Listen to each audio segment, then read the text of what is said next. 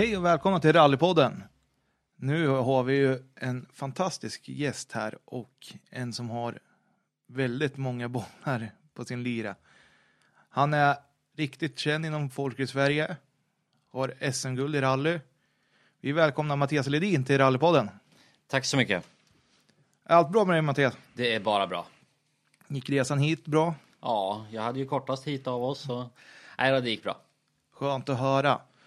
Riktigt fint väder ute och hösten börjar komma allt närmare och tävlingarna börjar rulla igång. Det är riktigt skönt faktiskt. Ja, det har ju varit en liten konstig vår, sommar här och speciellt om man säger som i folkracevärlden.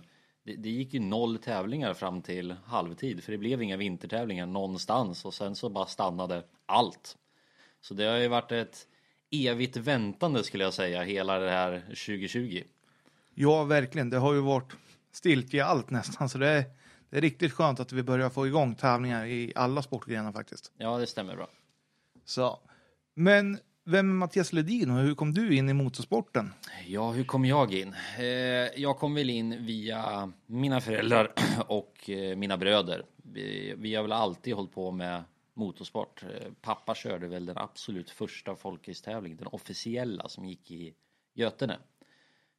Och på, den banan är det så de har till och med berättat att på vägen hem ifrån BB så stannade de till på en tävling för då körde mina bröder så jag var väl två dagar när jag var på den första tävlingen. Ja, det är tidigt. Då föds man med motorsport i blodet kan man ja, säga. Ja, det kan man säga. Det kan man säga. Så jag åkte väl den första tävlingen som gick i landet det året jag fick börja köra folkrace. Det gick i Östmark. Då gjorde jag min debutant där och helgen efter så körde jag min första folkrace-tävling i Likenäs. Och det var alltså den 18 januari det året jag fick köra folkrace då. Ja, du började direkt med folkracen där. Alltså det är det är så bra insteg där att du får börja så tidigt också. Ja, helt klart. Folkisen ska hållas högt. Det, det, är en, både en bra instegsklass och det är även en bra klass att hålla sig kvar i om man känner att man inte har budgeten till att ta steget vidare. Det är ju jättebra att höra det här, alltså att det finns, alltså det går ju att utveckla folkraceåkandet också.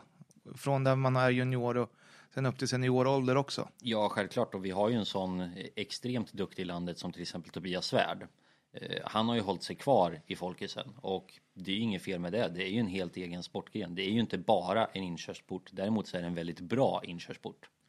Ja, och du får mycket grunder i, till allt du ska alltså, pyssla med efter eller som du säger om man fortsätter också och utveckla sin körning och man hittar ju alltid nya knep till att utveckla bilen inom folkracen också. Ja, Tack vare att det är så fritt reglemente. Ja, dels det och sen om man säger nästan alla som håller på med motorsport och har haft det i blodet har ju oftast kört gokart, antingen hyrkart eller vad som helst. Där lär du dig linjer, det är det som kommer ifrån gokarten. Och den kan man ta med sig in i folkracen och i folkracen så får du många aspekter. Du lär dig köra olika bilar, du kör olika banor, du möter olika personer, du får nya situationer. Folkracen är grym. Är du en sån som har provat både framhjulsdrivet och bakhjulsdrivet i folkracing? För det tänker jag, det är ju väldigt ofta man stannar kvar i en och samma. Ja, jag har provat utan resultat. jag är ingen duktig bakhjulsdriftsåkare. Det är sjukt roligt. Eh, och speciellt när man får åka i en eh, folkracerbana liksom när det är eh, det är säkert, det går inte superfort, du har rätt så bred bana och det är skitroligt, rent ut sagt. Men jag är absolut ingen talang på det. Nej, det blir alltså det är väldigt stor omställning kan jag tänka mig från åka framhjulsdrivet och speciellt när du har några som jagar så måste det vara extra svårt att ställa om och inte släppa några luckor när du åker bakhjulsdrivet också. Ja, speciellt när man har det så inpräntat i ryggmärgen att vara en framhjulsdriftsåkare och det tog en bra stund innan jag provade bakhjulsdrivet första gången och då är jag ju, har jag ju hållit på i liksom tio år och finslipat min framhjulsdriftskörstil liksom och sen satte jag mig i bakhjulsdriven och då, då, sitter den kvar i ryggmärgen.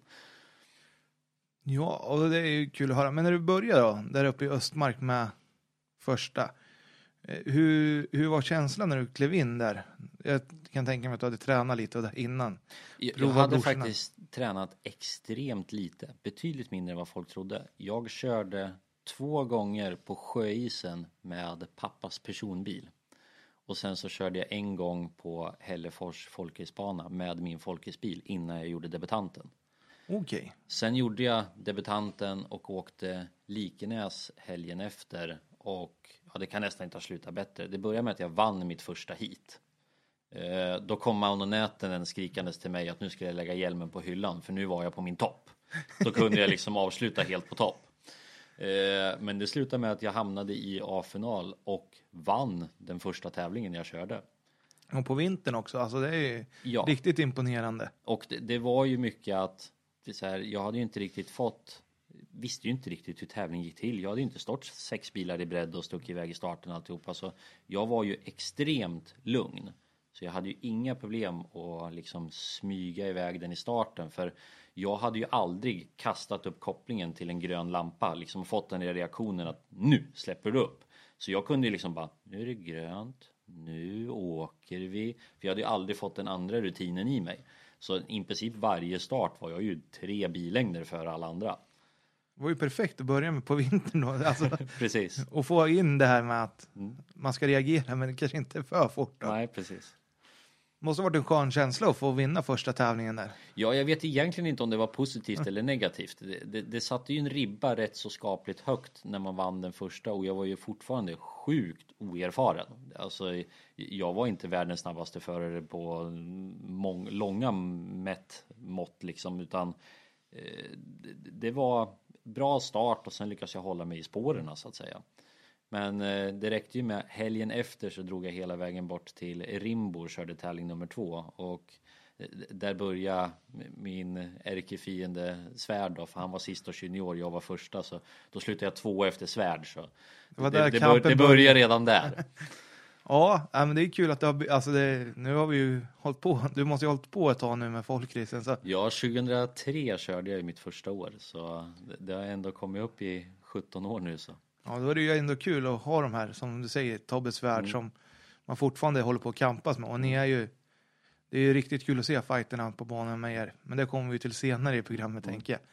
Men juniortiden i folkrace måste ju vara helt fantastisk, därför man har ju hört gemenskapen som finns i, i folkrace Var det något ni märkt av? Ja, alltså Direkt det, det, det har alltid varit en jättegemenskap. Plus att det blev ju rätt så stor skillnad för redan år två så började jag ju med JSM i rallycross. Okej. Okay. och eh, då körde jag JSM i rallycross och folkrace också med en betydligt mindre folkrace. Men där blev det ju en väldigt stor skillnad på att vara i en rallycrossdepå och vara i en folkracedepå. Så redan där såg man ju stora skillnader att gemenskapen som folkracen har den finns ingen annanstans. Den finns inte på en serviceplats i rally. Den finns inte i en depå i rallycross. Den finns bara i folkracedepån. Vad tror du det kan bero på? Är det att det inte... Tråk, tråkigt sagt pengar. Ja, du tror det? Ja. Jag menar i, i, i rally så, jag menar när jag åkte eh, R2 då åker vi runt i bilar för en halv miljon. I Folkis åker vi runt i bilar för 8000. Och funkar det inte den här helgen så åker vi igen nästa. I, i rally, funkar inte ena SM-deltävlingen då kan du vara körd. Det är liksom, då är SM över.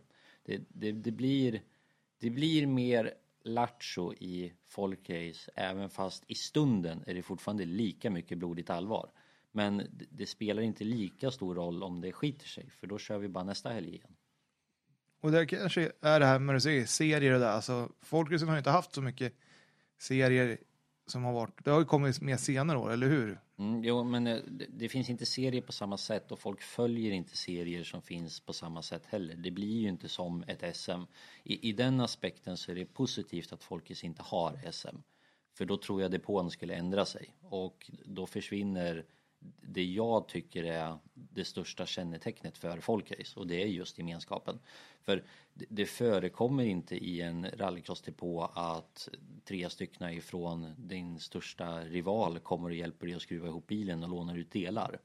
Det, det, det förekommer inte. Så eh, det är nog det folkisen ska vara mest stolt över att det verkligen är en folksport. Och det är ju där det har blivit känt för också, att det är en, verkligen en folkrörelse nästan. Att, Mm. att åka folkrace, och det ser man ju på startantalet, där, speciellt på festivalhelgerna där på sommaren. Och när man kollar, det går ju säkert fem till åtta tävlingar varje helg. Och de flesta ligger runt 100 startande och alltid några lite större tävlingar också. Ja, det, det, det finns inga officiella siffror men jag skulle gärna vilja se på förbundet hur många det är som har en folkislicens kontra andra licenser. Liksom hur stor är folkisporten jämfört med rally och rallycross? För rally har ju vuxit väldigt mycket. De brukar också kunna ha två, tre tävlingar med nästan 200 startande liksom lite utspritt i landet. Men samma helg så har ju folkrace 10 tävlingar med 150 startande utspritt i landet. Så är det ju.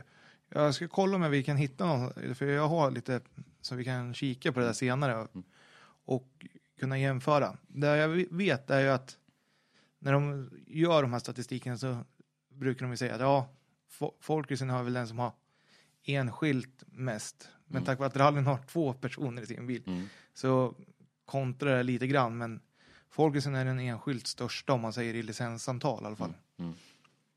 Men om vi fortsätter då under junioråret, hur mycket tävlingar åkte du? Och... Jag, jag, tror att jag åkte runt 40 tävlingar mitt första år som junior. Sen så blev det rätt så eh, väldigt mycket mindre år två och tre som Folkets junior i och med att jag åkte så hårt på rallycrossen för jag körde JSM i fem år. Ja, då, med, då mellan 2004 och 2008. Ja, då måste man ju spara in på det andra och lägga lite mer tid i garaget kanske och preppa bilen till åka en jag, serie där som... Ja, visst så, det blev ju den här mer seriösheten liksom. Om, om rallycrossbilen stod helt startklar för att åka och det var en helg emellan, då kunde jag börja skruva med folkesbilen så att säga. När kom du, alltså när, var tanken redan när du fyllde att du skulle åka rallycross direkt eller var en, det... en väldigt lång historia kort. Eh, IRA JSM just då så åkte de i de här 1400 Citroën AX. Ja, exakt. Ja, och Kenneth Hansen ville få in Saxon i rallycrossen. I och med att han var Citroën Sport-försäljare så ville han ju förnya den klassen med nya Citroënger. Det kan jag tänka mig. Så han tog sin eh, mest trogna och största sponsor som är AB Reservdelar i Stockholm. Okej. Okay. Och köpte en bil som de skulle plocka in. Så skulle de liksom ha en junior som skulle köra den. För Timmy och Kevin var ju för små. Exakt, ja. Eh, och då var det sponsorn då, AB Reservdelar, det är de som har sax. Det är därför vi alltid förr i tiden hade stod sax på våra folkesbilar. Okej, okay, ja. Så det är våran mest trogna sponsor också. Ja. Och då sa han att jag vet en juniorkille som är väldigt duktig som det här året får precis börja åka JSM. Så de hade bilen och jag blev chauffören så man kan halvsäga att jag var en fabriksförare. Inte riktigt då, vi skötte bilen och alltihopa då, men eh, det var Kenneth Hansens och sponsorns eh, bil som jag körde. Vad kul att alltså, få den chansen redan andra året inom motorsporten. Alltså. Det var också sån här, det var också både på gott och på ont. Jag växte lite för fort mot vad jag borde ha gjort. Liksom, så här. Jag tror ju att om jag hade vetat det jag vet idag så tror jag nästan jag hade uppskattat det ännu mer. Jag uppskattar det väldigt mycket. Men det var ändå nästan, nästan lite för lätt. Liksom. Men eh, det, det, funkade ju plus att jag gjorde ju resultat i det så det, det gick ju som jag skulle. Plus att Saxon då som för Kenneth Hansen, deras satsning för att få in fler bilar det året jag körde den så var jag ju den enda Saxon. År två så tror jag det var 14 Saxon på startplattan. Då gjorde du ju resultat för dem också. Alltså, Precis, jo, men det, det, det, det, fick ju, det, det de ville få ut av det blev ju. Det är ju kul, alltså det måste ju kännas riktigt skönt för dem och även för dig att de trodde på mig och som du säger, man förstår nog inte riktigt när man är så ung heller. Nej. Vad, det, vad det här är egentligen. Nej, och vilken stor apparat det faktiskt är och just den här grejen att det förekommer ju nästan inte sponsring här du får de här pengarna utan sponsring betyder ju jag ger dig någonting som jag har, oftast pengar. Jag vill ha någonting tillbaka, se till att jag får mer pengar. Det är, liksom, det, det är ju ett evigt samarbete för annars så funkar det inte för det är inte bara en envägskommunikation. Liksom.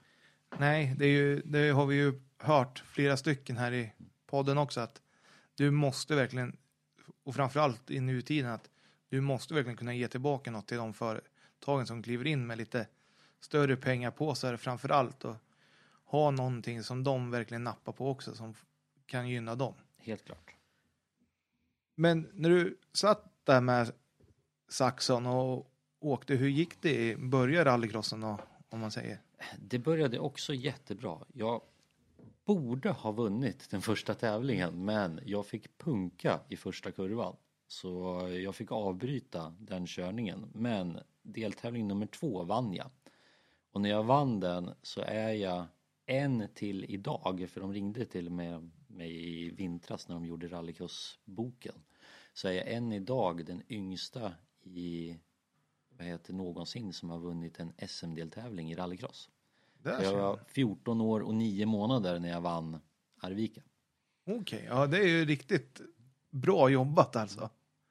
Jag, jag tror inte han, jag, jag klarade mig precis till Solberg. För, för han, han klev upp i stegen lite för tidigt så han åkte supercar rätt så tidigt och det tog en stund innan han tog första segern. Så. Men jag, jag klarade mig med nöd och näppe men det, det, det är också en sån här rolig grej att ha och att den har hållit i sig än idag så här 16 år senare. ja, alltså det måste ju kännas skitkul när de, och när de ringer så här och frågar från en bok också. Ja, precis, och Eller berättar så det. långt efteråt, liksom, över 15 år senare och de har fortfarande koll på det. Så liksom, nej, det, det är roligt. Och då ser man hur mycket intresse det finns i motorsport-Sverige. Att Ja, hålla klart, koll på klart. statistik och sånt där. Ja, det är samma sak som i folkrace. Lager är ju en legend på att hålla koll på statistik. Ja, alltså jag tror att det finns en i varje sport som håll, har det här Mm. Lite så. albumet. De har inga böcker i sina bokhyllor utan de har resultatlistor det Mm, istället. Och det tror jag, alltså det är ju jätteviktigt och Jätteviktigt. Nå- någon måste ju hålla i det för allt kan inte bara gå i glömska. Då var det ju i, i onödan. ja, och det är väl där bilsportarvet verkligen vill ha in allt som allt ifrån de här som samlar och Mm. så jag, det är ju en passning till alla som har mycket kunskap om resultaten i alla sportgrenar. Bilsportarvet tar gärna emot Mm. det här och Ja, helt klart. verkligen samla det i en databas som det finns att kolla tillbaka på sen. Men Kenneth då, han gör ju aldrig någonting halvdant utan han vill ju alltid att det ska vara full fart framåt, eller hur kände du Helt- där? Ja, helt klart. Eh, och eh, det, det var ju en jättestor grej. Jag menar, jag hade ju precis börjat med folkrace och sen mina föräldrar visste det i nästan ett halvår innan de berättade för mig att jag skulle åka liksom. Och det, för mig berättade de liksom bara att nästa vecka ska vi åka och hämta en bil och jag bara, jaha vadå? Ja, vi ska hämta en Saxo. Och jag bara, vad är det? Saxon är ju aldrig svensksåld. Nej, Eh, exakt. Så, så jag visste inte ens vad det var för någonting. Och eh, vad heter det, så skulle jag åka rallycross en dag och eh, hade verkligen stödet både från sponsorn och alltihopa och på den tiden så åkte vi i SM samma tävlingar för han åkte ju SM då, Kenneth. Ja, men exakt. Och eh, de gjorde ju min bil, de bestämde ju att den skulle vara röd för det skulle ju se ut som en liten mini Kenneth bil så att Ja. säga. Så liksom eh, det var ju ändå roligt och fick ju väldigt mycket uppmärksamhet tack vare det i och med att det var Kenneths bil och liksom Kenneth ville ju gärna att man skulle använda hans namn också för det ger ju honom reklam på samma Exakt. sätt så att säga. Så eh, det, det var väldigt stort och eh, extremt roligt och de fem åren jag åkte JSM var sjukt roligt. Det ska jag inte säga emot. Det kan jag tänka mig. Och när man ser det, då var ju rallycrossen jättestor. Alltså SM var Helt riktigt, klart. riktigt stort och pop, alltså det var mycket duktiga chaufförer som åkte rallycrossen då också. Mm, jo men liksom de, de som, hade det varit idag så vore det ju ungefär som att Robin Larsson och Kevin Eriksson och eh, vad heter det, Timmy och de åkte SM. Det är ju liksom, det, det är ju samma elit som körde SM då. Det var ju liksom Kristoffersson och Kenneth Hansen och Tony Kron och liksom alla de körde ju SM på den tiden. Ja, och med lite norska inslag där med Ludvig Ja. Hundspett Ja. och, och de här. He- Helt klart, så det, det, det var ju verkligen stort, liksom det, det drog ju folk. Jag menar, när vi var nere i Tommelilla, det var väl nästan 5000 pers som liksom fyllde stället där. Så liksom. Och sen var det under de här åren det gick på TV4 i sammandragsform också va? Ja, stämmer bra. För det kommer jag ihåg när man var mindre att det var ju höjdpunkten där Mm. rallycross-sammanfattningen. För jag gillar ju kommentatorerna där Mm. och, och alltid fighten mellan Hansen och Eklund. Mm. Och, Stämmer bra. så det, de byggde ju ett profil runt rallycrossen då. Mm. Men fem år sa du, var det Saxo samma bil hela tiden eller blev Ja. det något bilbyte under de här Nej, fem åren? utan jag, jag åkte Saxon alla åren och eh, slutade med fyra SM-silver och ett SM-guld. När tog du SM-guld? Var det sista året? Sista året, Det var då det. var det dags att ge sig. Sluta på topp. Ja, när, eh, vi hade nio deltävlingar. Jag vann de första sju, körde motorras i den åttonde och i finalen så var jag färdig SM-vinnare redan när vi kom till finalen eh, och gick till A-final och precis när jag släppte upp kopplingen på startplattan så gick drivaxeln på plattan. Aldrig hänt förut. Så jag kom inte ens en millimeter, jag stod helt still. Men jag kunde kliva ur bilen och veta att liksom, nu var det färdigt. Liksom, nu är jag svensk mästare. Det var ju rätt schysst att kunna fira på startplattan när Ja, de andra jo. åkte finalen. det, det var nästan lite synd om de andra för tv-teamet kom och vad heter det, intervjuade mig under de två första varven och liksom frågade vad som hände då för det var ju väldigt mycket hype om att det här var Mattias, han är klar svensk mästare. Så liksom, nu går starten, han står still. Liksom, vad, vad hände? Sket han i det här eller? Ja, men lite så kan jag tänka. ja, jo. Men det, det var inte sanningen. Nej, och skönt att, när du känner att det inte kommer iväg att veta att det är redan grejhet. Ja precis, jo men liksom, tänk liksom så här, du måste komma femma för att vinna det här. Liksom, bara, ja, jag måste bara slå en och så står man still på plattan. Det måste ha varit hemskt. Men det var ju, var det förra året eller någonting, allting som kunde gå fel för Kevin Eriksson gick fel i Tierp. Så. Han, Ja. var, ju- var ju, han var ju färdig svensk mästare och sen så lyckades Robin åka finalen i alla fall, eller semin i alla fall och precis allt som kunde studsa fel, studsa fel. Ja, man ska aldrig, alltså, man ska aldrig ta ut något i Nej, förskott. nej, men han var ju ändå klar när han tog ut det. Men sen så plockade de ut Ekström för att få in han i semin och så lyckades han vinna semin på något Mm. mirakulöst sätt och ändå så gick bilen sönder för Oliver i finalen. Allt som studsar fel, studsar fel. Ja, faktiskt. Man ska ta, man måste vara helt säker när, när man, vä- räknar. Ja, man ska vänta tills protesttiden är ute och det har gått en vecka. Då kan man liksom. Ja, det- för det har vi haft också gäster som har sagt att de har förlorat JSM-guld och grejer. Mm. Eller det var någon brorsa där som jag tror förlorade JSM-guld också. Ja, men mest känt är det väl när Tommy Mäkinen snudd på skulle sätta sig på planet hem och Carlos Sainz bil dog 250 meter före mål. Ja, Det är väl den mest kända nederlaget. ja det, är, det är något som sitter i hjärnan när Louis Moya Mm, drar hjälmen genom bakrutan Mm. på Corollan där. Mm, det var så här, de såg ju målskyltarna liksom. Ja, sådana nederlag vill man inte vara med om. Nej, nej, de är inte okej. Så.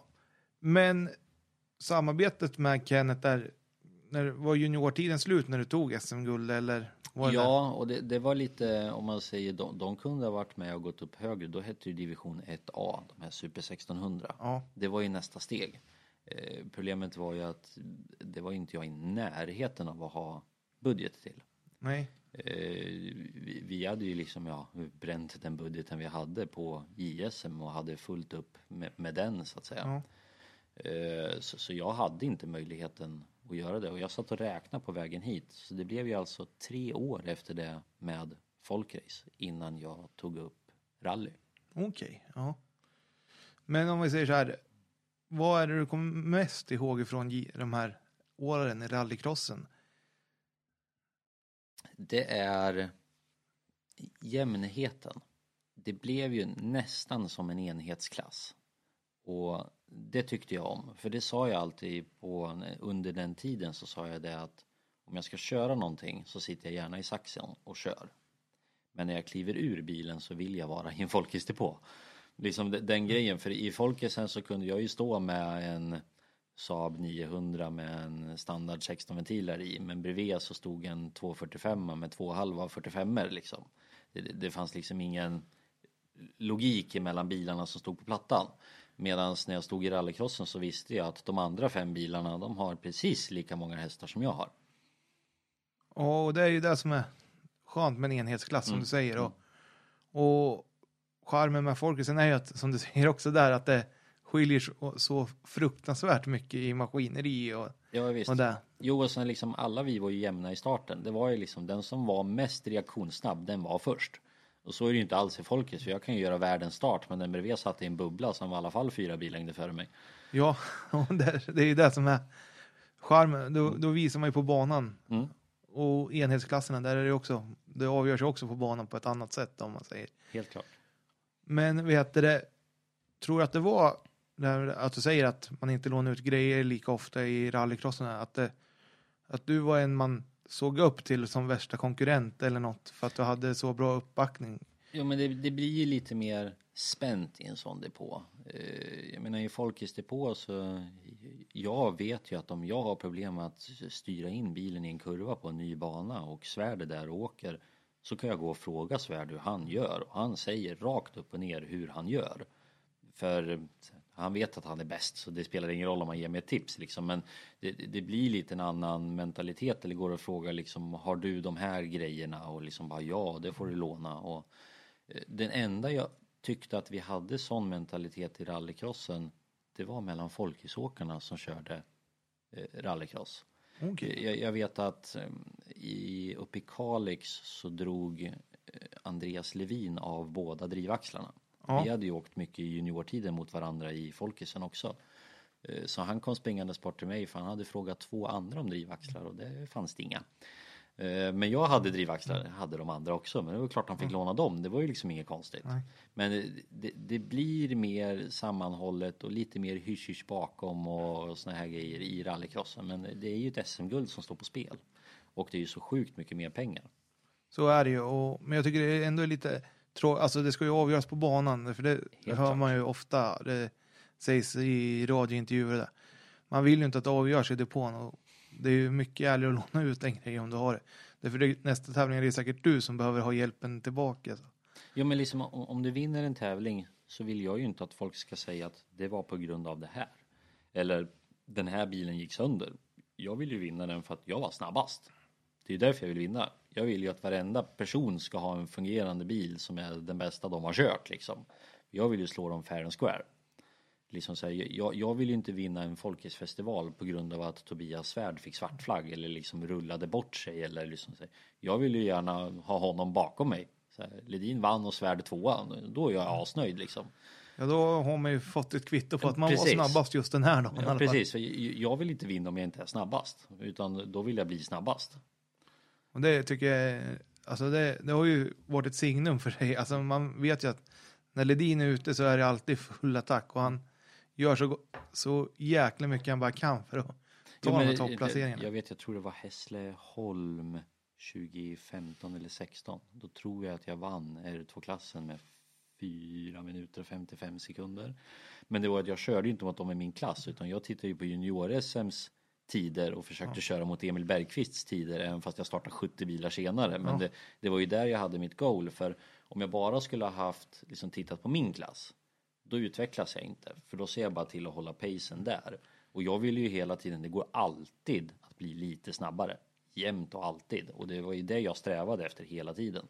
Därför var jag ju tvungen många gånger så börjar man ju titta på de tvåhjulsdrivna trimmade bilarnas tider. Vilket egentligen är ren idioti. Men någonting måste jag ju ha för att sträva efter att bli bättre. Och så har det varit oavsett om det är folkrace, rallycross eller rally. Ja, men då, då har vi tagit med det här med rallycrossen. Mm. Och sen åkte du tre år folkrace. Och vad, vad, vad var det sköna med att komma tillbaka till folkracen? Jag, jag sa ju det när jag gjorde det, det var ju att eh, så här liksom en, en knölig skärm det tog mig tre minuter att fixa för det var ett slag med släggan och sen fram med penseln, sen var jag klar. Medan rallycrossen då var det den med skärmen, rikta den, eventuellt lägga på någon liten spackling, slipa ner den, lacka om den. Det var ju liksom en helgsjobb att byta en framskärm på rallycrossbilen. Medan det var tre minuter på folkrisen. Så det, det, det var skönt att komma tillbaka till grundfolkrisen liksom. Bara liksom fixa i ordning en bil och åka till helgen och liksom du, han, det, det hänger lite där, ja, det är okej. Mm. Det kan jag tänka mig, alltså tiden man lägger på en rallycrossbil är väl, ja jag har ingen aning, men det är som du säger, en, veck, en helg istället för tre minuter. Vi har ju själva hur mycket det skiljer i tid. Ja, och sen eh, speciellt, jag ska inte säga speciellt, men min känsla var speciellt en annan som hade eh, Kenneth Hansen bakom sig och väldigt stora sponsorer som liksom ägde bilen. Så var det ju, jag var ju deras vandrande reklampelare. Så det var ju alltid tvungen att vara liksom top notch. Det, det spelade ju ingen roll. Jobbigast hade vi nu uppe i Norrlandsveckan när du kör ena tävlingen och sen så har du en vecka sen ska du köra nästa och kommer inte hem till garaget eller någonting och försöka stå på Peter Havsbadscampingen och snygga till bilen liksom. Ja, det är lite så. Och, och framförallt om du behöver lacka lite. Mm, precis. Lite svårt att gå ner till badet och, Mm. och få den lackad sig. Nej, men eh, superkul att höra att hur det går till när man åker med ett mer professionellt team Mm. sådär också. Och sen gå tillbaka till grunderna igen. Mm. Hur gammal var du då när du gick tillbaka? Ja, vad blev det då? Hur gammal var jag? 28, 29 gick jag ju tillbaka. Då var jag alltså 21. Då gick jag tillbaka till folkrace. Hade du, du måste ju ha lärt dig massor med det här med och som du säger, vandrande reklampelare med samarbetspartners och hur man ska bemöta dem. Det, det sitter ju igen idag. Så liksom, jag vet att man stoppar inte händerna i fickorna. Eh, Min första overall de gav mig i rallycrossen eh, specialsydde de efter mina mått och alltihopa. Och då såg min sponsor till att de sydde igen fickorna. För de använder man inte. Och eh, det syns också väldigt mycket även idag. Jag har alltid med mig kepsen i bilen. Eh, när jag kommer ut ifrån ett hit oavsett om det är Höljes och en intervju inne på planen så när jag kliver ur bilen så har jag kepsen på mig. För man har alltid keps, liksom vandrande reklampelare. Och eh, det enda jag har släppt på nu för tiden det är att när det är varmt så brukar jag dra ner overallen och ha bara understället på mig. Det hade jag aldrig förut. Det spelade ingen roll när det var 35 grader varmt så var overallen på och den var knäppt. Det är mycket bättre i dagens läge när de trycker reklamen på understället så att de kan ta av sig det. Men det var det inte på min tid. Nej, alltså det är bra tips till de som åker idag. Alltså, och på enkla sätt hur man kan visa upp sina sponsorer. Ja, och sen samma sak speciellt när man går upp på en prispall eller någonting. Eh, Och det är oavsett om det är bondtävling i folkrace eller om det är eh, rally-SM liksom. Så overallen ska alltid vara på, den ska vara helt knäppt uppe vid nedanför hakan och alltihopa. Det, det ska se propert ut. Ja, och där tycker jag det är jätteviktigt att du säger att det är inom alla sportgrenar. Mm. För det, det ser så mycket professionellare ut. Och det ger mer status till sporten också, även fast det är en liten grej. Ja, och jag tycker absolut inte att det är liksom stroppaktigt. För det är fortfarande väldigt finstilt att hålla det snyggt och propert men ändå inte vara en stropp liksom på något sätt. Men liksom att att du knäpper overallen och ser till att inte ha kepsen bak och fram utan har den åt rätt håll och den sitter på alltihopa. Det är inte att vara en stropp, det är bara att försöka vara professionell. Och det tycker jag man ska vara oavsett om man åker en kvällstävling i Filipstad, folkrace eller om du åker rally-SM så att säga. Bra tips att ta med för alla som lyssnar. Och folkracen är ju som sagt väldigt duktiga att ha kvar overallerna på också. Och det har väl blivit bättre i rally också.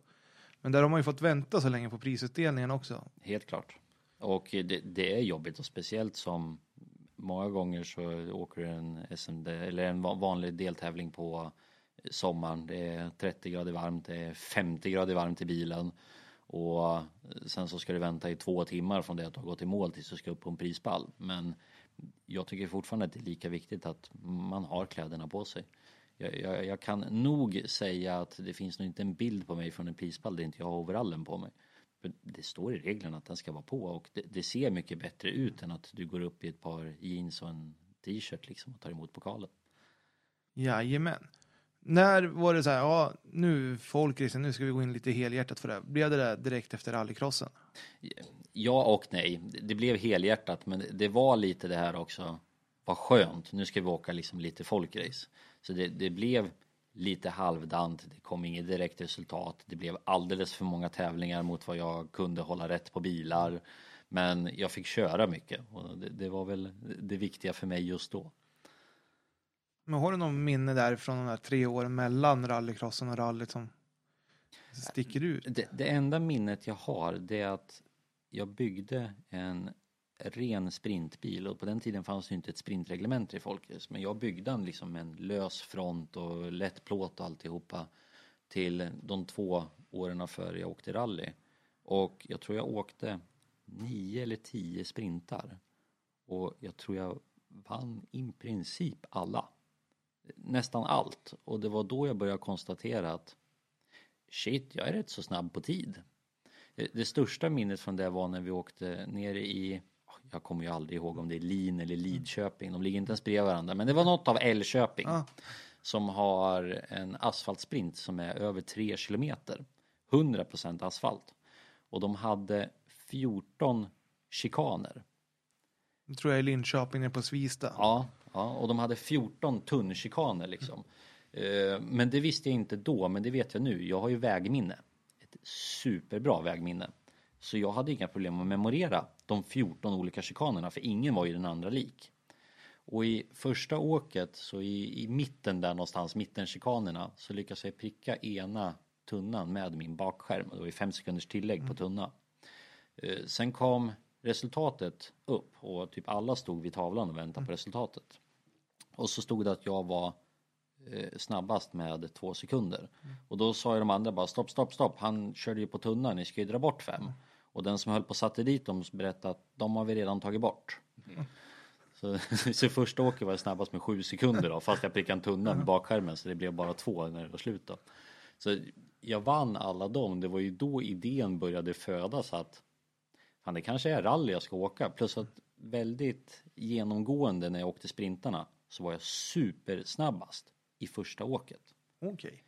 Sen kom de ikapp mig och det slutade i princip varje gång med att jag vann. Men i slutet så var det liksom under sekunden jag vann med. För jag lyckades liksom inte öka något mer utan jag körde, satte liksom tiden. Jag vet att vi åkte i uppför backen i Tidaholm. Ja. Då satte jag banrekord första åket. Sen åkte jag på några tiondelar saktare och typ samma tid i sista eller någonting. Så jag hade pikat redan i mitt första. Så du tangerar bara? Alltså, Ja, precis. Och, och det var ju då liksom, om jag är snabb den första gången jag åker någonting, då måste ju rally vara perfekt för mig. För där åker man bara första gången, sen åker man till nästa sträcka. Så liksom det, det var där det började födas att fan kanske ska jag prova rally. Och du hade inte haft någon plan på det här innan? Nej, Så, faktiskt inte. Och då, då har vi ju ändå, i, i familjen så har vi väldigt mycket rally. Jag menar, mamma på 70-talet var ju fabriksförare med FIB Aktuellt Okej. i, i deras team Opel. Ja. Och då, då hade du ingen tanke? Alltså, Nej, alltså det, min brorsa har åkt rally lite då och då och såna här grejer då, men liksom det, det har inte riktigt. Jag blev ju så insnöad på bana i och med att det blev folkis så blev det direkt rallycross. Så även liksom när jag fortsatte med folkis så var ju blickarna liksom att det skulle ju vara coolt att få upp budget till att åka division 1A liksom. Ja, det kan jag tänka mig. Men så blir det väl när man hamnar på en Ja, är det så. två dagar efter man är född. Så. Mm. Nej, men då är vi uppe på 2011, 2012 va? Ja, 12 blir det väl. Jag åkte min, min 12 åkte jag första. Ja, första rallytävlingen. Hur, vad tänkte du där då? när du skulle börja åka rally? Var det så här, ja, jag ska sikta mot en Jag, jag tänkte fel. Ja, du tänkte Mm, fel, ja. mm. Eh, Jag köpte en eh, Opel Kadett banbil. Okej. Eh, Och sen så gjorde jag om den till rallybil. Kompletterade bågen lite grann. Jag stoppade i dubbla stolar, den hade papper och alltihopa då. Bytte väghållningen så att det var till rallybil då. Mm. Eh, Opel Kadett 16 ventilare, helt standard. Jag stoppade i ett folkrace-chip i den och sen så svetsstiffade jag lådan. Eh, sen körde jag min första rallytävling på sprinten de har nere i Vimmerby på vårkanten. Okej, ja. Runt banan där. ja. Eh, Där hittar du ju runt. Ja, så, så där vann jag. Ja. Så det, det var ju liksom bara wow, det här med rally var ju liksom coolt. Och där passade ju en diffad bil jättebra också. Eh, Sen började jag åka lite mer och mer och började komma ut i skogen. Då gick det väldigt tungt att åka svetsdiff. Eh, Sen efter några tävlingar så lyckades jag köpa en eh, nerväxlad låda, en rakskuren låda fast med synkringar så jag var fortfarande tvungen att koppla precis som helt vanligt fast den var lägre då då blev det helt plötsligt riktig diff. Eh, och då vet jag att jag åkte Sala, Ja, eh, morgongåvasvängen. exakt. Och, Och det är ju en sträcka som går flera gånger, brukar ja, vara. Ja, och jag hade aldrig varit där, jag hade inte tittat ett klipp eller någonting. Nej. Och sen kom jag fram till att de åker samma sträcka varje år. Så har man åkt det förut så vet man hur den går. Men jag slutade, jag vann klassen, jag var snabbare än alla B-förare och jag var åtta sekunder ifrån att vara totalsnabbaste tvåhjulsdrivna. Med en standard, för motorn var fortfarande helt orörd. Och då började ju tävlingsdjävulen vakna i mig Ja. och så liksom vad hade jag kunnat gjort om jag hade en potent bil? Ja, jag satt i samma bil som han som vann. Och då började jag, oj, då började jag bli sur på mig själv. Att jag vill ju inte sitta i en bil som jag inte kan konkurrera med liksom. Men jag hade inte budgeten att skaffa en traktiv låda och ringa till Nille och beställa en motor liksom. Så då tog jag beslutet till 2013 att jag går ner till grupp E. Mm.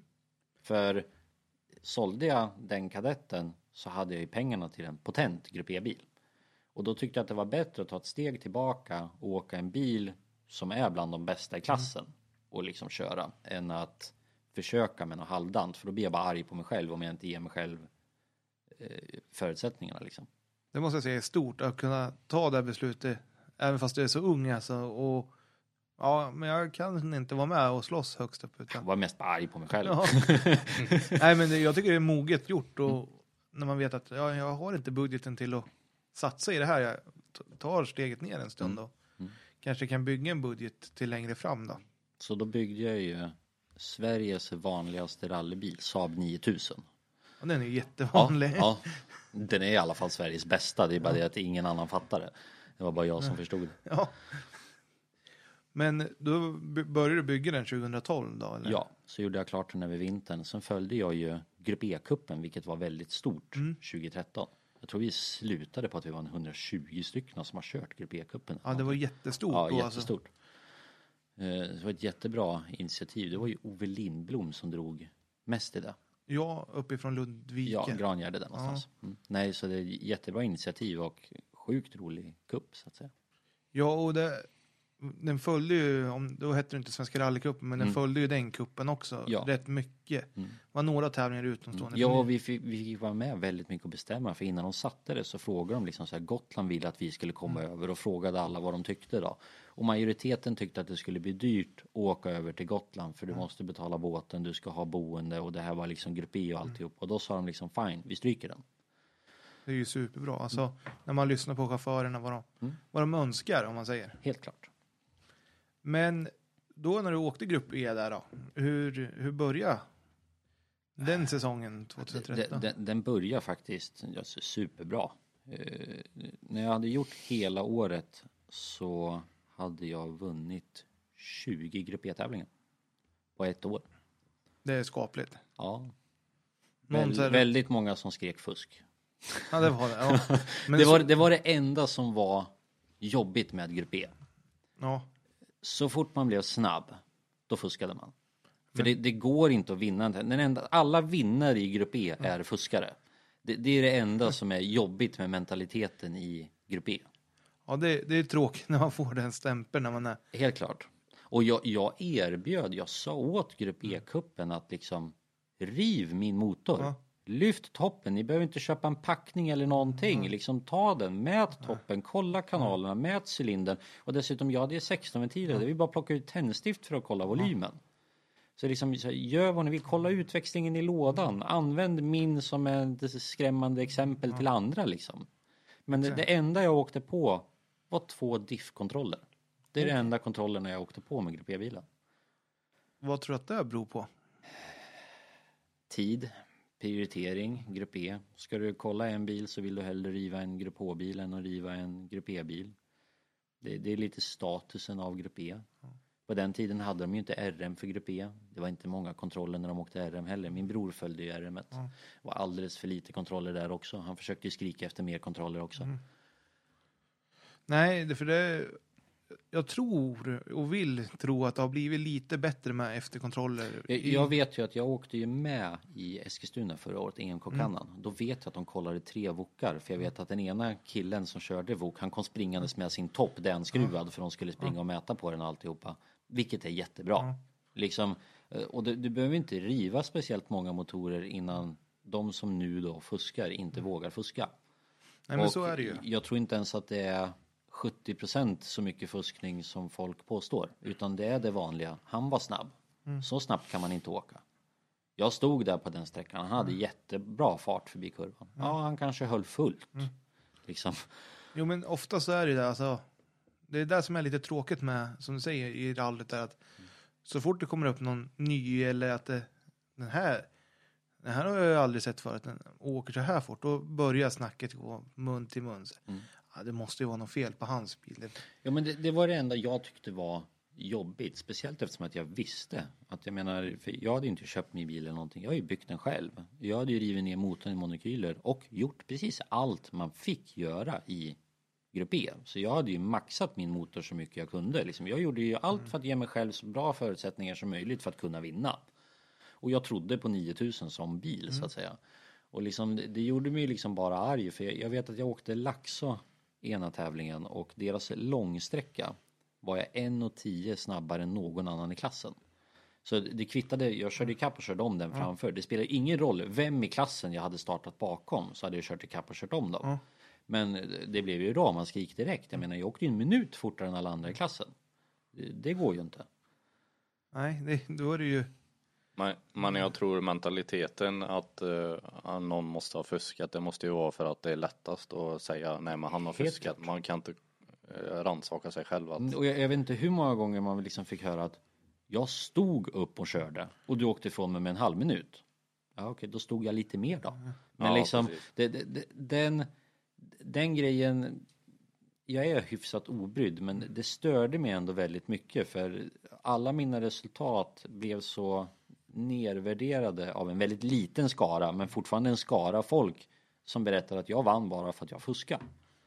Och jag menar, jag började göra andra grejer. Jag lånade en Opel Astra och åkte morgongåvasvängen och vann morgongåvasvängen i liksom en Astra. Och liksom så här, åkte lite olika bilar mest bara för att så här, liksom, det, det, det är inte det jag kan.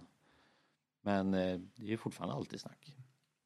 Ja, tråkigt är det när det blir så. Men vi som har varit ute och tittat vet ju att du har ju ett jäkla påslag när du åkte. För det här, jag tror att 2013 var jag nu, jag följde ju Grupp E-cupen och, och, och de här svenska rallycupen.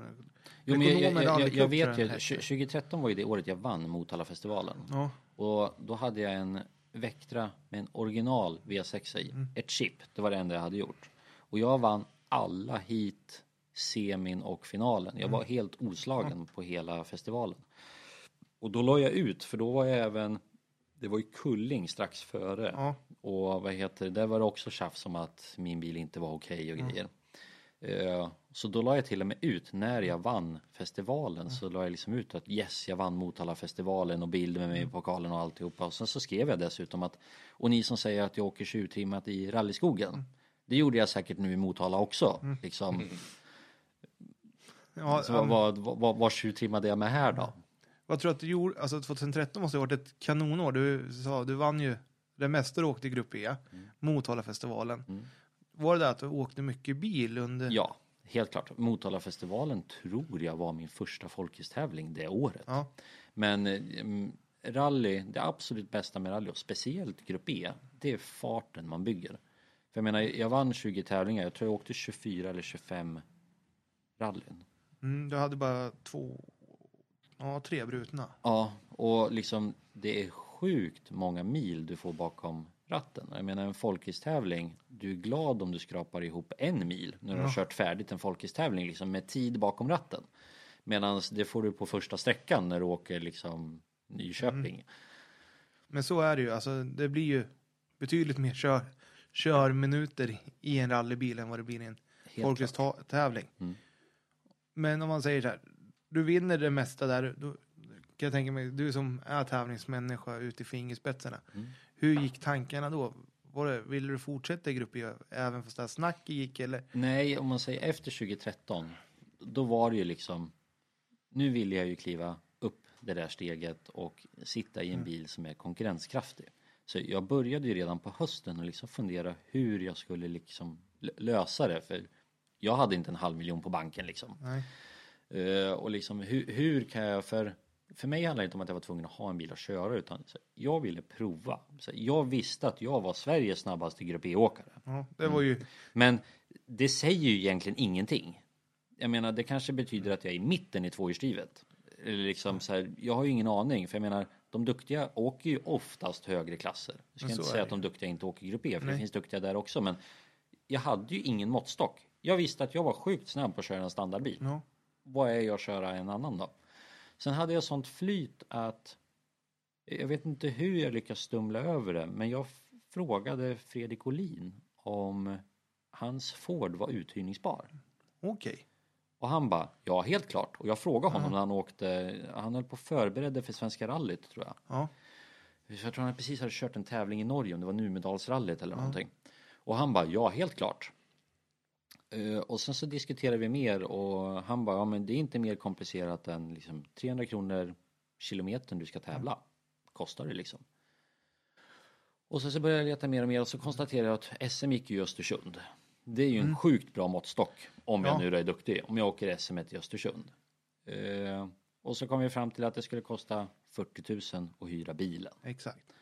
Eh, Så då började jag jaga eh, sponsorhjälp för att kunna göra det här testet då, och lyckades få ihop det och fick ihop till däck. Ja. Eh, Så jag hyrde bilen av Fredrik. Eh, Hade inte råd att hyra test, tyvärr. Men jag hyrde den och alltihopa och det, det är lite löjligt alla på att säga för jag åkte upp till Östersund och han mötte mig i Östersund. Okej. Sen öppnade vi kåpan och jag hoppade in i bilen och han satte sig på passagerarsidan så började han berätta för mig vad alla knappar och allting var till. Och hur det funkade att växla med en sekventiell låda för jag har aldrig kört säcklåda någonsin. Och så berättade han hur allting funkar. Och sen så typ så här gav jag tummen upp. Sen åkte jag och besikta. Sen åkte jag och räcka. Och jag har aldrig räckat förut någonsin. Jag hade med mig en kartis jag aldrig åkt med, Erik. Jag har aldrig haft han som kartis förut. Eh, och vi åkte och räcka sträckorna och alltihopa och det var då man insåg att ett SM-rally det är rätt så långt. Det, det, det, det brukar ju vara uppåt 10 mil. Ja. Du kanske hade någon sträcka som gick två gånger om du hade Ja, men tur. jag, jag tror vi hade om det var 11 mil eller någonting i Östersund i året. Det, var sjukt långt att åka. Plus att Östersund har de rätt så utspridda sträckorna också. Ja. Så det var ju liksom en, en hel dag att bara åka sträckorna en gång. Eh, sen åkte jag ut till första sträckan och då har jag alltså inte kört en meter i bilen. Jag åkte till och från besiktningen liksom. Du Eh, började med I5 skogen då eller? Nej, det är äldre ändå. Vi börjar ju med sträckan längst bort. Vad heter den? Det är inte Husås utan Lillsjöhögen? Ja, det var första sträckan. Så maffig sträcka kör jag första gången också. Och i mörker. Ja, det är tre- 3,3 mil i mörker. Ja, precis. Eh, och jag har aldrig kört SM eller någonting. Och på den tiden så var vi ju alla superutspridda. För alla var ju sidade. Så jag hade ju typ startnummer 87 tror jag eller någonting. Medans min konkurrent, huvudkonkurrent var Emil Bergqvist. Han hade ju startnummer 27 eller någonting. Han startade 50 bilar tidigare. Eh, Så vi drog iväg och jag kommer fem eller sex kilometer så kommer jag ikapp bilen framför. Och det tar åtta kilometer innan han kan flytta på sig. Absolut inte hans fel. Verkligen inte. Han kunde inte flytta på sig förrän åtta kilometer senare. Så jag tappade en minut och 40 sekunder på SS1.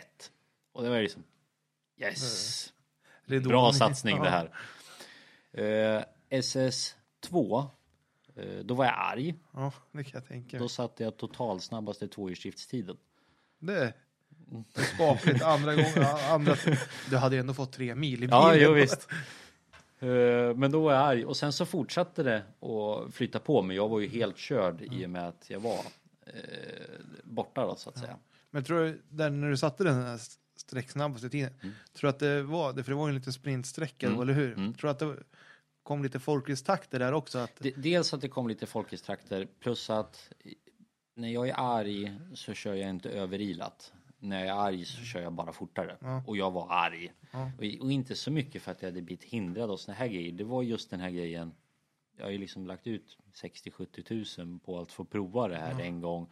Och det absolut första som händer är att nu är din tävling körd. Du åkte SS1 och du är körd. ja, det är inte roligt alls faktiskt. Alltså, man blir frustrerad. Mm. Men hur var det med det här? Hade, nu, jag tänker, du skrev ju inte egna noter, utan Nej. ni, hade, hade ni redig, alltså, redigerat något i noterna eller? Väldigt lite eftersom att vad skulle jag ändra till? Så jag hade Ja. inga preferenser. Men det, liksom, det var ju några som liksom så här, jag, jag tycker absolut inte att det här är en vänster fyra. Jag vill ha det till vänster tre liksom. Det känns mycket bättre. Men väldigt lite ändringar. Och Erik, hade han åkt någonting med? Ja, han har, SM. han har ju åkt mycket noter. Ja, Men han har aldrig åkt någon SM eller rekognosering eller något sånt där. Så vi var väldigt nya båda två. det kanske är bra när man är, att båda är Ja, nya när Det det, blir så. Pl- Plus att Erik passar ju mig sjukt bra som kartläsare. Eh, jag är ju inte sån, alla har ju tittat på något klipp med Pelle Wilén när han åker och när han har Martin bredvid sig. Martin får ju alltid lugna ner Mm. Pelle eller mana på Pelle eller någonting. Erik gör aldrig någonting sånt med mig och jag tycker det är bra. För jag vill inte att den som sitter bredvid ska berätta för mig hur jag ska köra. För jag vet om jag behöver öka, jag vet om jag behöver lugna ner mig. Jag gör inga överilade grejer liksom när jag har gjort bort mig eller någonting. Så just den kemin så passar ju Erik mig jättebra. För många behöver ju någon bredvid som sitter och manar på en liksom. Ja men exakt. Alltså, Och jag är ju- jag är ju precis likadan när jag sitter bredvid någon annan. Det finns ingen som manar på folk så mycket som jag gör när jag sitter bredvid. Så jag är ju helt tvärt emot. Men jag vill ju liksom bara ge mig noterna så sköter jag körningen. Liksom. Så, så funkar jag och så funkar Erik också. Så vi passar jättebra ihop. Det är ju skönt när man hittar någon som passar. Vem hade du med i första året? Det har vi missat helt. Eh, min mekaniker och polare Jimmy då. Så Okej. eh, vi gjorde typ bilen ihop och så, så började vi åka. Men eh, jag var inte jätteduktig på att lyssna och han var inte jätteduktig på att läsa för han har liksom aldrig gjort det förut så att säga. Så vi kom fram till redan under det året att om jag någon gång skulle liksom ta steget upp och börja åka riktigt fort ut i skogen liksom så lär jag byta kartläsare och det var inget konstigt. För han var inte en kartläsare utan mer för att vi gjorde det tillsammans så att säga. En kul grej alltså. Ja, ja. Göra något med sin polare. Ja visst. Ja, nej men då fortsatte ju. För det här var ju på kvällen båda de här sträckorna. Och sen fortsätter du dagen efter då. Mm. Och jag, jag vet, jag, jag satte typ så här, var streck tvåa på någon sträcka, streck trea på någon sträcka, så liksom bara någon sekund ifrån. Så jag, jag vet att jag, jag hängde verkligen med. Så jag, Ja. jag fick verkligen det kvittot jag ville ha, att jag hänger faktiskt med i toppen på tvåhjulsdrivet liksom. Ja men så var det ju. Du började ju första på morgonen där med att vara två- 3,7 efter Emils då. Mm. Mm. Jo, så liksom, och då visste jag det liksom så här, Emil har ju kört lite mer snabba rallybilar än vad jag har. Så, så sätt så att säga. Plus att han var ju verkligen en upcoming star när han körde då. Så det var ju var det ju. väldigt mycket snack om honom. Exakt. Nej men kul att få visa ett kvitto att satsningen kanske ändå var lite frukt även fast du hade blivit hindrad. Mm, mm. Få ett kvitto att jag är nog rätt snabb när jag Det är helt klart. får en bra bil också. Mm. Så då måste du att när du lämnar tillbaka bilen till Fredrik, hur gick tankarna då? Nej, men då var ju tankarna rätt så tidigt på att för det var ju ett rätt så långt hopp innan nästa SM-deltävling som gick i Köping. Eh, Den tror jag gick typ i maj eller någonting så det var ju ändå två månaders hopp liksom innan nästa och då var det liksom, jag visste ju att det handlar ju om samma pengar där också för att göra det här en gång till liksom. Jag har ju faktiskt två månader på mig att skrapa ihop liksom. Eh, Så jag fortsatte jaga och sparade undan lite själv och såna här grejer. Så jag fick ju faktiskt till att jag kunde hyra den en gång till och prova en gång på grus. Så jag hyrde den en gång till. Så hade du, du hade Saaben kvar, eller hur? För Ja, du åkte ja. någonting däremellan också. Ja, precis för att försöka hålla farten uppe lite. Ja. Men när du kom till Kolsva där då Mm. och kände att nu jäklar, alltså kul att du fick ihop det igen. Ja, visst. Hade och du- sen, d- d- då var jag liksom taggad på att nu skulle jag kunna få visa från början igen liksom hur det går. Mm. Och det sket sig på första sträckan. Jag och supermånga andra slog ju dyngpunka. Eh, Sten som kom fram i spåret. ja. Och den var så spetsig så den slog ju alltså sönder fälgen totalt. ja, det är inte... Nej, och det, det är inte ofta en sten går igenom eh, ett, Pirelli liksom och slår igenom en tävlingsfälg till krasch. Nej, då är det en rejäl sten. Ja, så och vad heter det? Och jag lyckades se den men han inte väja undan den så det, det gjorde inte saken bättre heller. Så, så ännu en gång så tappade jag redan på första sträckan. Då eh, kan jag tänka mig att det var en arg Mattias som kom till SS2 sen. Ja, för liksom det var ju liksom bara inte nu igen liksom. Men det blev lite att försöka göra samma sak som man gjorde i Östersund. Men det var lite svårare den här gången att prestera det sista när jag visste att jag var slagen för andra gången. Det blev liksom två gånger i rad man blev nedslagen. Och det, för det var samma sträcka, eller hur, som åktes Ja, som SS1 och SS2. jajamän. Men då hade, du, då hade ni markerat stenen Mm. i noterna. Precis. Erik var rätt så snabb att gå tillbaka och berätta att det var här stenen var. Ja. Men du säger att det var flera. Alltså, var det något som hade kommit fram för att det genades mer eller var det? Nej, det var faktiskt i spåret. Okej. Så, så hade den kommit fram. Det var, var en en, en snabb, en, en kort skarp kurva i ett snabbt parti så att det, det gick ju i princip bara att göra en sidoförflyttning. Ja. Men då hade det grävts ner så mycket på innespåret så att vi hade grävt ner till stenen. Där ser man. Ja. ja, det är tråkigt när, man, alltså, när det är sådana grejer. Mm. Det är annat om det har genat sen. Ja, jo, visst. 30 ja, visst. centimeter. Jo, men är, är, är du innanför vägen så får du skylla dig själv om du slår in något. Ja. Så är det ju. Men eh, du hade ju ett bra tempo hela Kolsva sen efter det där. Mm. Jo, men liksom och, här, för, första gången jag körde den på grus, så här, jag hade, körde ju inget test för det där heller. Jag visste inte hur han skulle bete sig, men Fredrik är ju inte dålig att ställa in en bil. Nej, han är ju jätteduktig på det. Ja, så liksom det, det var ju inga problem att ha. Det var inte så att jag behövde börja klicka och visste inte ens vad som hände när man klickade så. Det var ju liksom bara att köra och det, det var verkligen bara att köra och eh, jag började ju tycka att bilen var sjukt rolig att köra. Eh, Jag tyckte den var lite svår att köra, men det var ju inget konstigt. Jag är van med grupp E så att säga.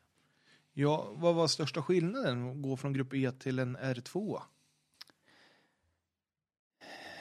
Ja, jag vet egentligen inte vad jag ska säga är den stora skillnaden för man, farten kommer man in i väldigt fort. Utan det var ju mycket det att det gick att hålla i mycket mer med R2 än vad det gick med eh, grupp E så att säga. För menar grupp E, har du trean i en böj, även om du håller fullt så ska jag inte påstå att du har något driv. Men det har du i en R2, du kan ju hela tiden få den att driva in så att säga. Ja, och sen kan jag tänka mig växling, som du sa, där, lära sig att växla med. Mm, men det, det, det föll också sig väldigt naturligt. Det var liksom typ så här, jag var gjord för att åka säcklådabil Ja. liksom, för det, det kom väldigt naturligt. Men jag tror jag hade en väldig fördel att jag hade kört så mycket Grupp E för R2 är ju ändå motorsvagare bilar.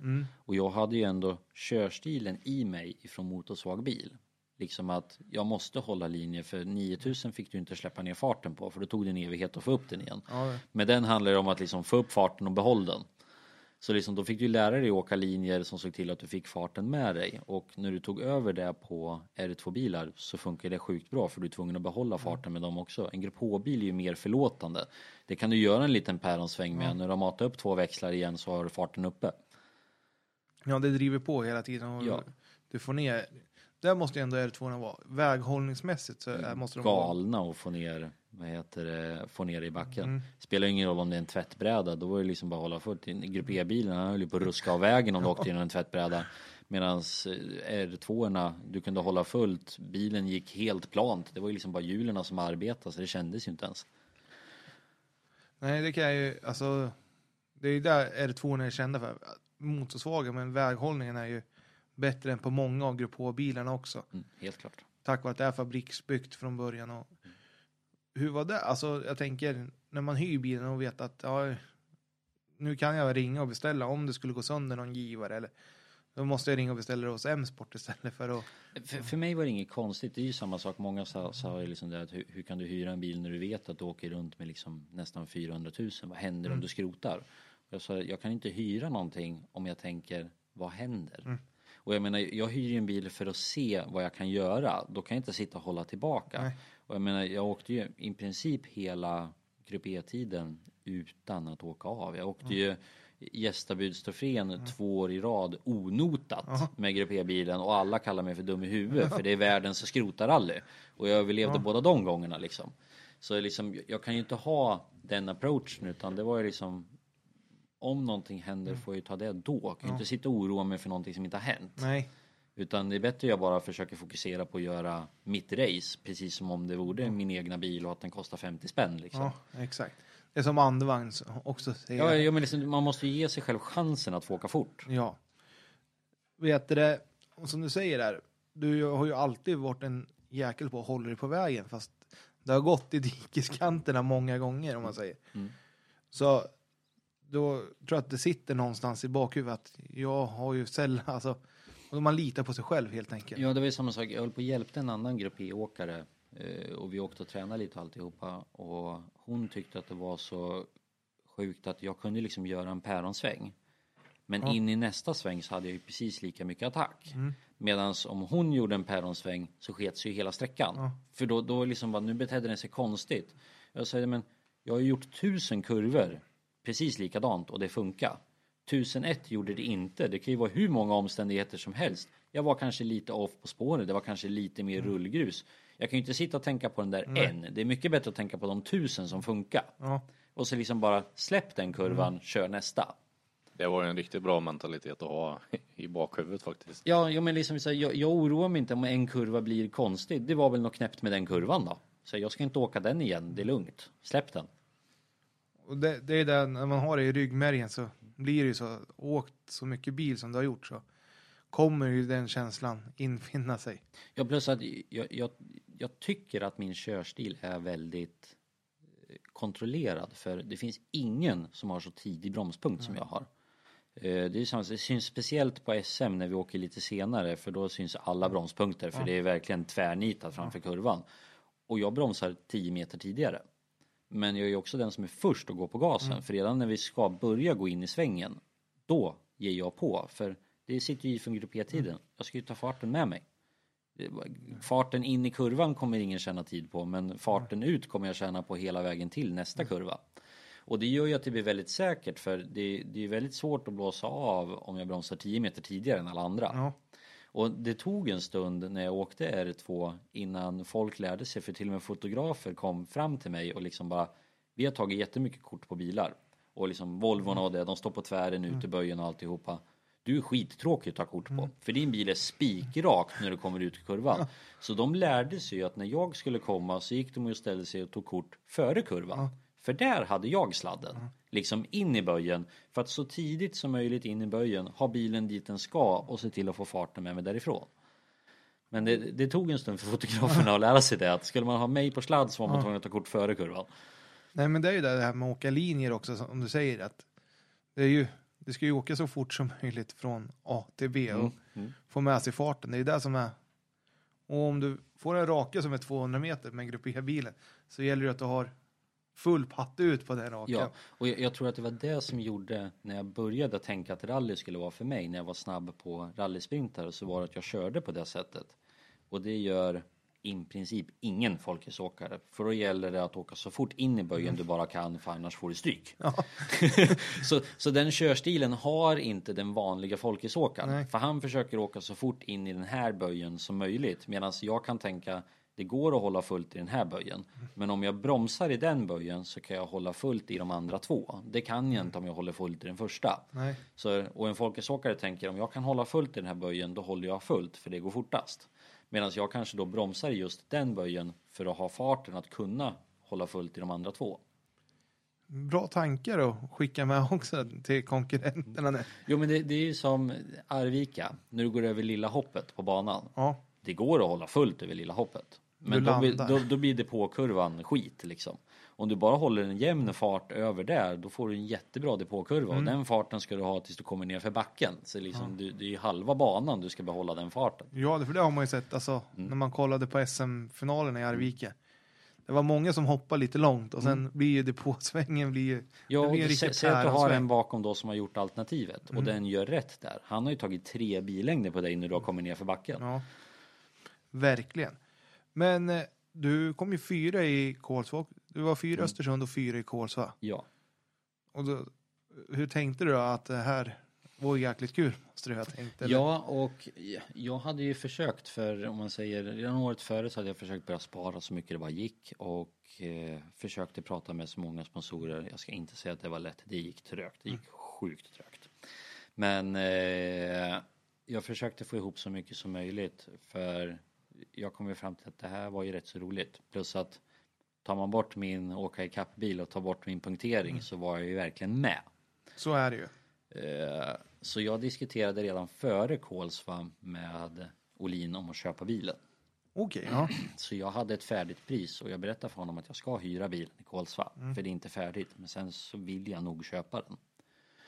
Eh, Så vi gjorde klart så jag fick ett bra pris av honom. Dels så gjorde han ett bra pris från början och sen så för att jag hade hyrt den två gånger då och han skickade iväg växellådan på renovering för jag köpte den och liksom så det blev jättebra så det slutade med att jag köpte Forden Okej, ja.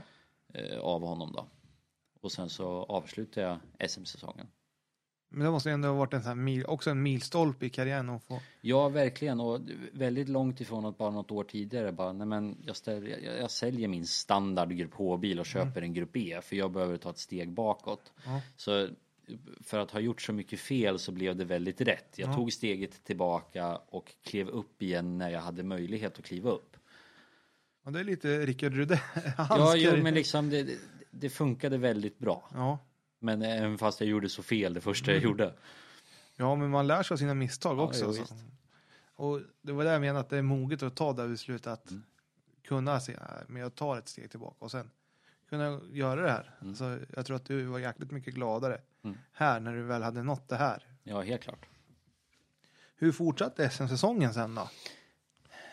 lite knackig men ändå rätt Mm. så okej. Men ju, ju fortare jag började åka ju mer kom jag fram till att den var som jag sa, jag tyckte att den var lite svår. Ja, Eh, för jag hade väldiga problem med rallyna att eh, jag blev helt slut av att köra. Mm. Och i början så var det liksom, ja men jag har väl kass fysik. Det var väl inget mer konstigt än så. Jag har aldrig sportat så att säga, så Nej. jag har väl dålig fysik. Men det, det blev så extremt eh, mentalt påfrestande. Eh, och mycket var för att den var svår att köra. För att köra Forden riktigt fort är du tvungen att åka väldigt understyrt. ja, Jag hatar att åka understyrt.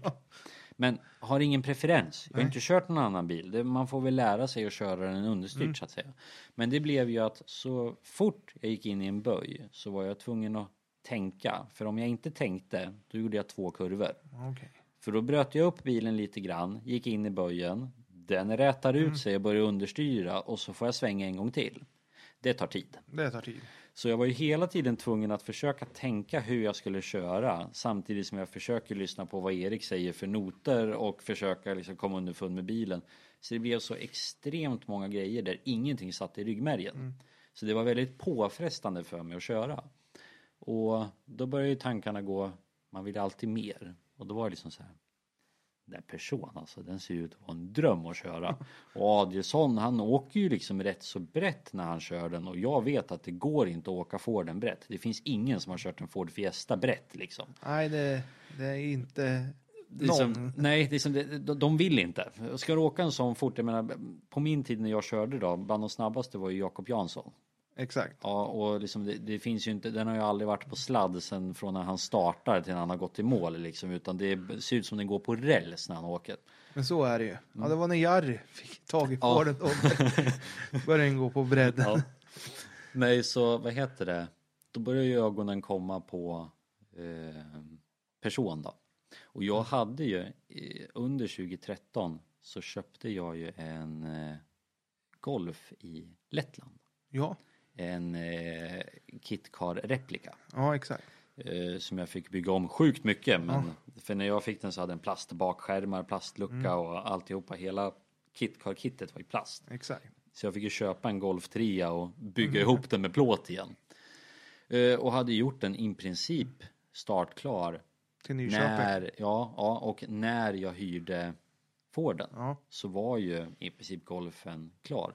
För det var golfen som var min säkerhet till Olin. För han vill ju ha någon Ja. form av säkerhet. Brinner bilen upp ute i skogen så vill han ju gärna ha betalt. exakt. Och då hade jag ju liksom, golfen var min säkerhet. Då får jag sälja den och ge dig pengarna. Så liksom. Eh, och sen hade jag ju satt ihop den och sen så skulle jag åka Nyköping Ja. med den. Eh, mest bara för att jag ville sätta en tävling på den så att säga. Sen har jag, känner hur det kändes att åka en trimmad bil. Ja. Men jag kom aldrig till start för när jag höll på att testa den på kvällen så fick jag den inte hundra att gå som man skulle. Den hade ett jädra krångligt elsystem Mm. den där. Eh, så jag lät bli att åka. Ja, Sen köpte jag Forden och så liksom avslutade säsongen med Forden. Men sen var det liksom, fan om jag säljer Golfen och säljer Forden, då borde det vara pengarna till en person liksom. Och Torssell la ju ut sin till salu. Ja exakt. Eh, och jag kontaktade dem och jag åkte dit och är det någon som är nitisk och har ordning på grejerna så är det Torssell. Ja, Det- Det var löjligt. Han hade liksom fyra, fem A4-papper med artikelnummer på vilka delar han hade, vad nypriset var och liksom alltihopa. Och han gjorde en jättebra deal med mig då. Jag skulle få köpa bilen för en halv miljon och hans reservdelspaket för 100 000 och det var listat till 250 000 grejerna hade kostat med reservdelarna. Så det var en superbra deal. Och jag bara kanon. Jag har inte en krona just nu. Men jag har två rallybilar jag ska sälja och det är inte det enklaste att sälja rallybilar och det här var typ i september eller någonting. Och då gjorde jag dealen med honom, då, eller han gjorde den med mig, att om jag betalar en handpenning på 10%, 60 000, så fick jag till nyår på mig Ja. och liksom försöka sälja dem. För han vet att det tar tid att sälja dem, men han vill jättegärna sälja den till mig och liksom, han kan låsa den om han liksom vet att jag har viljan. Ja. Men går det inte så går det inte, utan då får han behålla handpenningen för att han väntar i tre månader. Så jag fixade det och sen så la jag ut dem till salu. Och det var på Fisens mosse jag lyckades. Dagen före julafton så köpte Jakobsen, eller Jakobsson köpte golfen. Ja. Eh, och Forden sålde jag nyårsafton. och jag skulle köra upp den och vi skulle mötas i Gävle och lämna den den 2 januari. Okej. Så jag ringde till Torssell och bara, jag vet att vi sa nyår, men får jag två dagar till på mig? Och han bara, ja, det var liksom bara, bara att det inte skulle dra ut till sommaren liksom. Bara, det är helt okej. Så jag körde upp Forden till Gävle. Dumpade av den, vi förde över pengarna. Sen åkte jag från Gävle till Uppsala, lasta person och åkte hem. ja, du ser, det, lö det löser sig. Just in time sa vi va?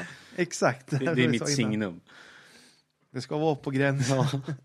men det är ju så, fint folk kommer lite sent. Det är det ju. Så, nej, men eh, skönt att få ihop affären där. Ja, och, och, och det blev så pass bra så liksom när jag hade sålt båda bilarna så fick jag lägga till 20 000 av egna pengar så hade jag person med världens reservdelslager. Ja, det är ju riktigt skönt. Så liksom det, det, det, det klaffade jättebra alltihopa. Ja, men riktigt skönt att få och lyckas få ihop det. Och, och i december också, det är kanske inte den månaden många det- säljer jag- och jag- köper jag- jag- rallybilar. Nej, inte för de pengarna i alla fall. Så här, dagen före julafton och mellandagarna. Jag hade tur. Ja, det var någon julklapp till sig själv. där.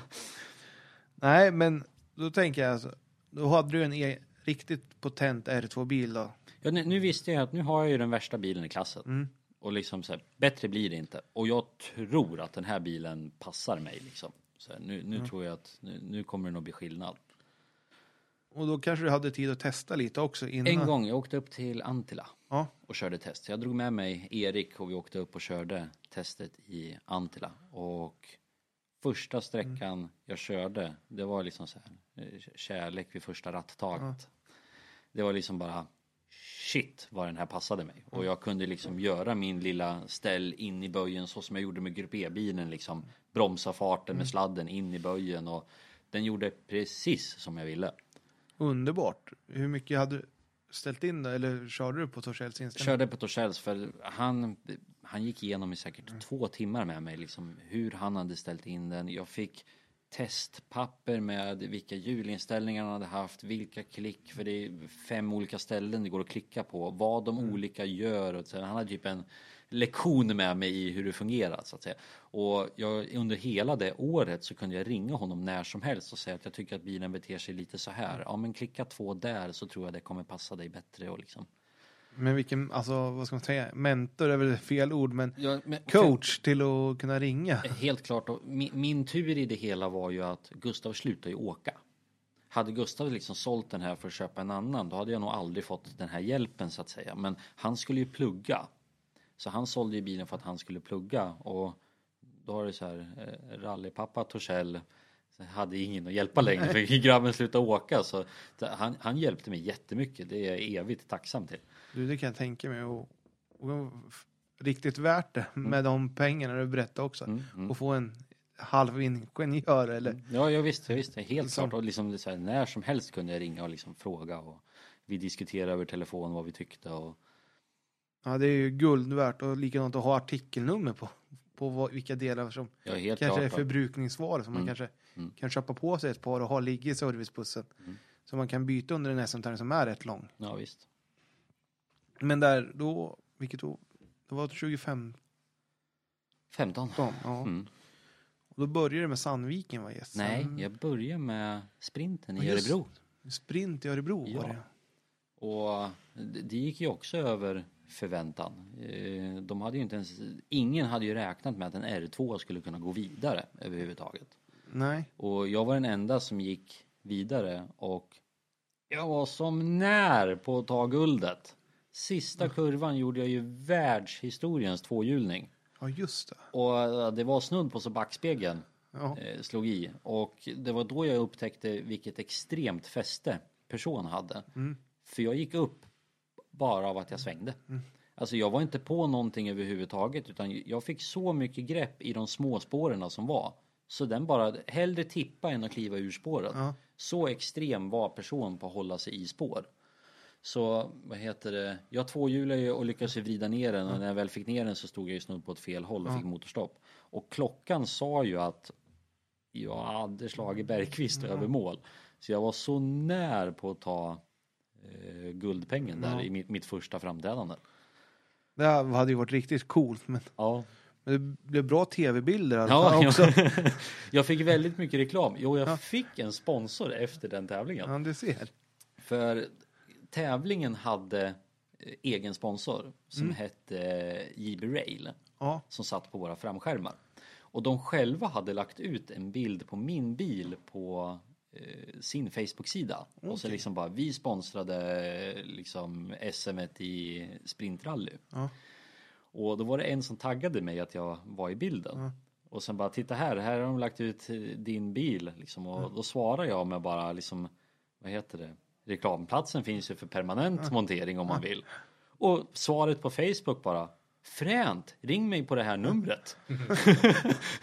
så jag ringde dem och åkte till Örebro och de sa det att innan jag hade kommit dit nu då så hade de ju hört sig lite för med andra Örebroföretag som de vet hör till motorsporten. Och alla hade bara talat gott om mig. Så de ville helt klart vara med och sponsra mig. Så de blev ju alltså min sponsor 2015 och min huvudsponsor 2016. Du ser. Alltså, Mycket vad- tillfälligheter är det. Ja, men alltså det är ju grymt kul och då visar det att de här sprinterna kanske inte bara är ploj och jippo utan det, det föder kanske lite samarbeten också. Ja, helt klart. Så man ska ta var, är som du säger, man ska vara en reklampelare alltjämt. Ja, och jag brukar ju säga det, jag brukar ju svara ja till det mesta. Ja, men som till exempel det här, vill du komma hit och prata? Ja. För jag har kommit fram till att nej har aldrig gett möjligheter. Det är Men så- bara ja som har gett möjligheter.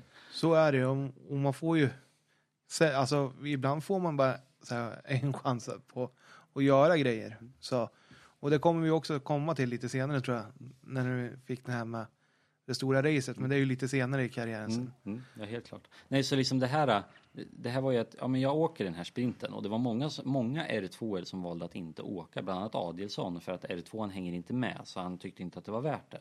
Men liksom så här, jag åkte dit, jag körde, det slutade med att ett år senare var det min huvudsponsor. Hade jag inte åkt där så hade jag aldrig fått dem. Nej, exakt. Och kul att, att det gick så smidigt då, ja. när du väl kom dit också. Men då har man ju gjort sig ett namn som är positivt och positiva namn är ju sånt man vill förknippas med. Mm. Så. Och ingick det i stora SM då också? Nej, Det utan var- det, det var ett år senare när vi körde sommarsprinten i Norrköping. Den Ja. ingick i Det var då, eh, ja. huvud-SM. Men sen var det vinterpokalen i Sandviken, Ja, eller hur? ja, det var det första riktiga rallyt Mm. med den så att säga. Och det, det slutade med att då vann jag min första SM-deltävling. Det måste ju varit så här, yes, jag Ja, men gjorde det, rätt val. ja precis, ja men det var ju verkligen det att liksom så här, jag skulle åka tvåhjulsdrivna bilar och jag skulle ha person liksom så här. Nu hade jag liksom kvittot på att jag valde rätt. Min, min magkänsla hade rätt. Och det, då måste ju bilen börja sitta i ryggraden här också. Ja, det, det gjorde den jättetidigt och det, och det är det som var så skönt. Helt plötsligt så var jag inte slut. För att köra bilen behövde jag inte tänka på överhuvudtaget. Då kunde jag koncentrera mig 100% på Erik. Mm. Eh, och då började jag ju dessutom flytta fram eh, noterna. Så han låg ju alltid, kurvan jag fick av honom var ju inte den som kommer utan nästa. Och då hade jag ju helt plötsligt, för nästa kurva är ju beroende på hur jag ska köra i den första. Om jag ska hålla in eller släppa ut den eller jag behövde inte lägga in det i noterna för jag visste redan vad nästa kurva var. Så jag fick ju en annan körstil för att det blev mycket lugnare i bilen. Och jag kunde koncentrera mig så mycket mer på att liksom placera bilen precis där jag ville ha den. Och det bringar ju te- upp tempot också när du kan planera körningen. Mm. Hur var det att ha flera noter i huvudet också? Det var inga problem Nej, det inga problem. Speciellt inte när jag, behövde inte tänka på någonting annat. Mm. Det var ju bara noterna jag tänkte på. För körningen, den satt liksom av sig självt. Liksom och, och berättade han liksom noter så att jag visste att jag skulle hålla in den så behövde jag bara hålla in den. Jag behövde inte bråka med bilen eller någonting utan det var bara jag ska åka här med bilen. Så jag tittade bara vart jag ville placera bilen och lyssnade på noterna. Liksom. Det var det jag gjorde. Skönt alltså. Ja, när det väl stämmer så bra redan direkt. Och segern i Sandviken måste ju ha varit yes, nu, nu åker vi för, för ett SM-guld i år, eller hur? Jo, jo men känslan var verkligen det att liksom jag, ska nog fan kunna ta det här i år. Mm. Så, så var verkligen känslan. Men vilka var det som var konkurrenterna det här året? Eh, Martin Jansson var väl den största konkurrenten. Han hade ju köpt Adilssons Peugeot. Exakt. Så han satt ju i exakt samma material och hade kört fler säsonger än vad jag hade. Så liksom, han var ju verkligen huvudkonkurrenten. Och där kan man ju se att vin, vintern verkar ju vara din grej. Alltså du, Ja, och jag hatar vinter. Men jag har alltid varit snabb på vintern. Men jag hatar, och jag hatar det på grund av att jag har lite tidigare bromspunkter än alla andra. Ja. Jag vill gärna gå in i lite en annan position än de andra. Det går inte på vintern. ja, det är Nej. lite jobbigt. Håll dig i spåren och åk där. Och jag vill inte åka som de har gjort spåren. så Nej. så jag, jag är lite obekväm att åka vinter ändå. För att jag, jag får inte riktigt åka som jag vill. Eh, Men det har alltid funkat bra, jämt. Men det är absolut ingen favorit. Ja, men det, det är ju jäkligt bra när det är så. När, när det går fort fast man inte tycker det ska funka. Men Östersund då? Där du gjorde SM-premiär var deltävling två i SM. Ja. Eh, då var det ändå lite skönt för många sträckor var ju lika. Det var ju liksom bara, här har jag varit förut. Och då, då kom ju mitt vägminne verkligen tillbaka liksom att typ så här, det var den här kurvan skrev vi om förra året. Vi gör det nu också. Så liksom så jag kommer ihåg det. Eh, och det, det blev helt annat. I och med att jag har vägminnet så åkte vi en sträcka andra gången och det var en väldigt speciell känsla att köra där första gången. Så jag kommer ju verkligen ihåg precis allt eftersom att det var ju första gången jag åkte liksom en trimmad tvåhjulsdriven bil.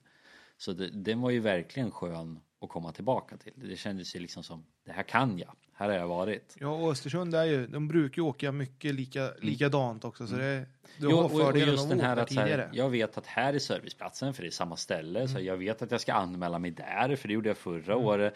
Allt var liksom inte nytt längre utan där kände man sig erfaren även fast man inte var det men känslan blev så liksom. Och det, det är ju en trygghet i sig Mm, också. Att, och, men du åkte fortfarande arrangörsnoter? Eller Ja och skrev om dem själv Mm. så att säga. nu kanske det blev lite mer? Ja, det blir ju hela tiden mer och mer, mer man ville ändra och ju, ju mer man kände bilen och ju mer kunde jag ju koncentrera på det här för att jag kunde släppa bilen mer och mer så att säga. Det är ju skönt alltså. Och det börjar ju också med kvällssträckor uppe i Östersund. ju. Ja. Åkte ni någon kvällssträcka i Sandviken? Ja, det tror jag vi gjorde. Ja. Hur var det att åka person i mörker jämfört med Forden? Alltså, Jag hade mycket bättre ljus på person. Mm. Eh, så så det, det, var, det var skönt. Däremot så är ju alltid mörker svårt. Man ser inte riktigt över krönet och även fast Erik säger att det är en liten sväng så blir det bromsa lite till och det, det är verkligen svårt att bemästra. Det finns ju en anledning till varför Fredrik Olin brukar träna i två, tre dagar före på att köra mörker innan han kommer till en SM-deltävling Ja. och sen åker han ifrån alla med en minut på vinter eller på mörkersträckan. Och det, det, det är svårt men jag tycker ändå att det är speciellt och roligt. Men det är lite skillnad på vintern också för det är mycket enklare att köra nattsträcka på vintern. Ja. På sommaren är det sjukt svårt för allt som finns slukar varenda liten ljusstrimma som Ja. finns. det kan jag tänka mig. Här har du ändå bara snövallarna Ja egentligen. precis och det blir väldigt ljust i och med att det är vitt Mm. så det blir nästan att förstärka ljuset medan som du åker Uppsala som vi gjorde nattsträcka Ja. så säger det två meter framför bilen så var allt ljus borta. Ja, det är jobbigare. Mm. Men det, du tuffar ju på i ett grymt tempo uppe i Östersund också. Ja visst, jo men liksom det, kä- känslan kom ju bara mer och mer. Jag lyckades åka en tävling emellan Sandviken och Östersund också i Skogsrundan. Okej, ja. Och vann tvåhjulsdrivet totalt och var väl bara åtta sekunder ifrån Borg i VRC-skodan. Så liksom eh, självförtroendet eh, ökade ju exceptionellt mellan tävlingarna liksom i, i bilen. För ju mer jag körde ju mer kändes det som att eh, de har ju byggt person efter vad jag vill. Liksom. Kändes som det var. Ja, jo, det, kändes ju Uttagen liksom, till dig, säger Ja, precis. Och det måste ju vara en grym känsla när man får Ja, jag, jag tyckte att jag hade en bra känsla när jag åkte JSM i Saxon, att den liksom var gjord för mig. Mm. Men det är ingenting mot person, det var ju liksom, det är min bil. Var det stor, alltså om vi pratar skillnad mellan grupp IN och Forden och mellan Forden och person då? Ja, faktiskt, men mycket på grund av att jag hade så svårt att köra Forden. Mm. Mycket på grund av det. Liksom det, det, blev, det blev så bockigt för mig. Ja. Utan att veta det, för jag visste inte bättre. Men liksom skulle jag ha kört person först och sen provat Forden så hade jag ju klivit av den efter halva sträckan och sagt nej, nej. Det här är facit. ja, precis. Så, nej, men det är ju alltså när man hittar rätt så hittar man rätt och då kommer resultaten också. Mm. Jo, och sen har ju så här, som när jag åkte så är väldigt duktig i tvåhjulsdrivet var Johan Karlsson Karlskoga. Ja, Han åker ju sjukt understyrt.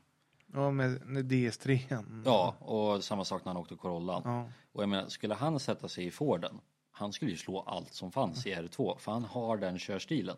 Men det är verkligen så långt ifrån min körstil man kan komma, så liksom det, det, det lirar inte bara.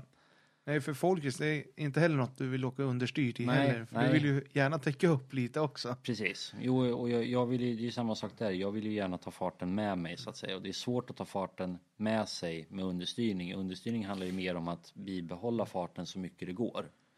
Bara lita på. Ja, Fästa och precis. Bara hålla. ja, och så hålla. liksom bara liksom, går det lite för rakt så backar du av lite. Men liksom, du, du får ju en mycket högre, just kurvan har du ju mycket högre fart i.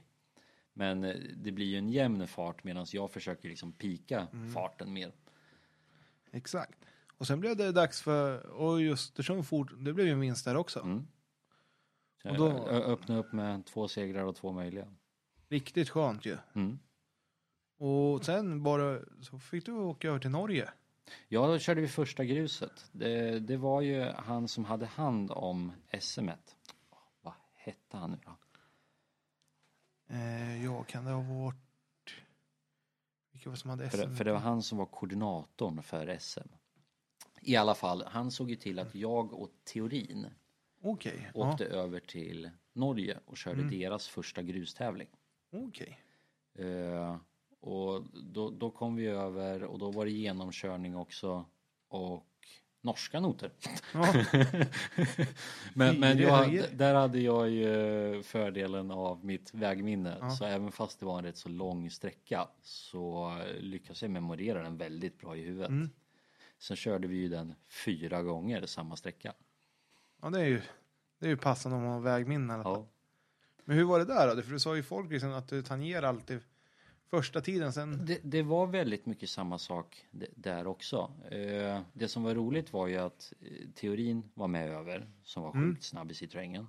Eh, plus att Rökland körde ju, Ja, som var ju typ så här Norges största R2-namn. Ja. Liksom. Så det var ju verkligen måttstock där då.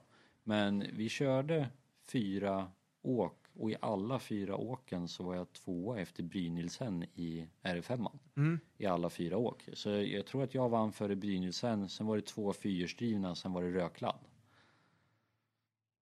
nej. Sindre Sindre var var, före Rökland. Sindre teorin Mm. var det. Som var ett, ni var etta, två, tre, två i strivet. Mm. Nej, för i, i, i ö, och, vad heter det, genom alla då så var jag alltså tvåa efter eh, Bryntesson i alla fyra åk. Mm. Det var rätt skönt också. Det kan jag tänka mig. För det var ju alltså en och, en, och en halv mil sträcka och jag tror jag tappade 15 sekunder på eh, Bryntesson varje åk och det var liksom konstant samma så Ja. säga. Så jag tappade en sekund per kilometer på honom.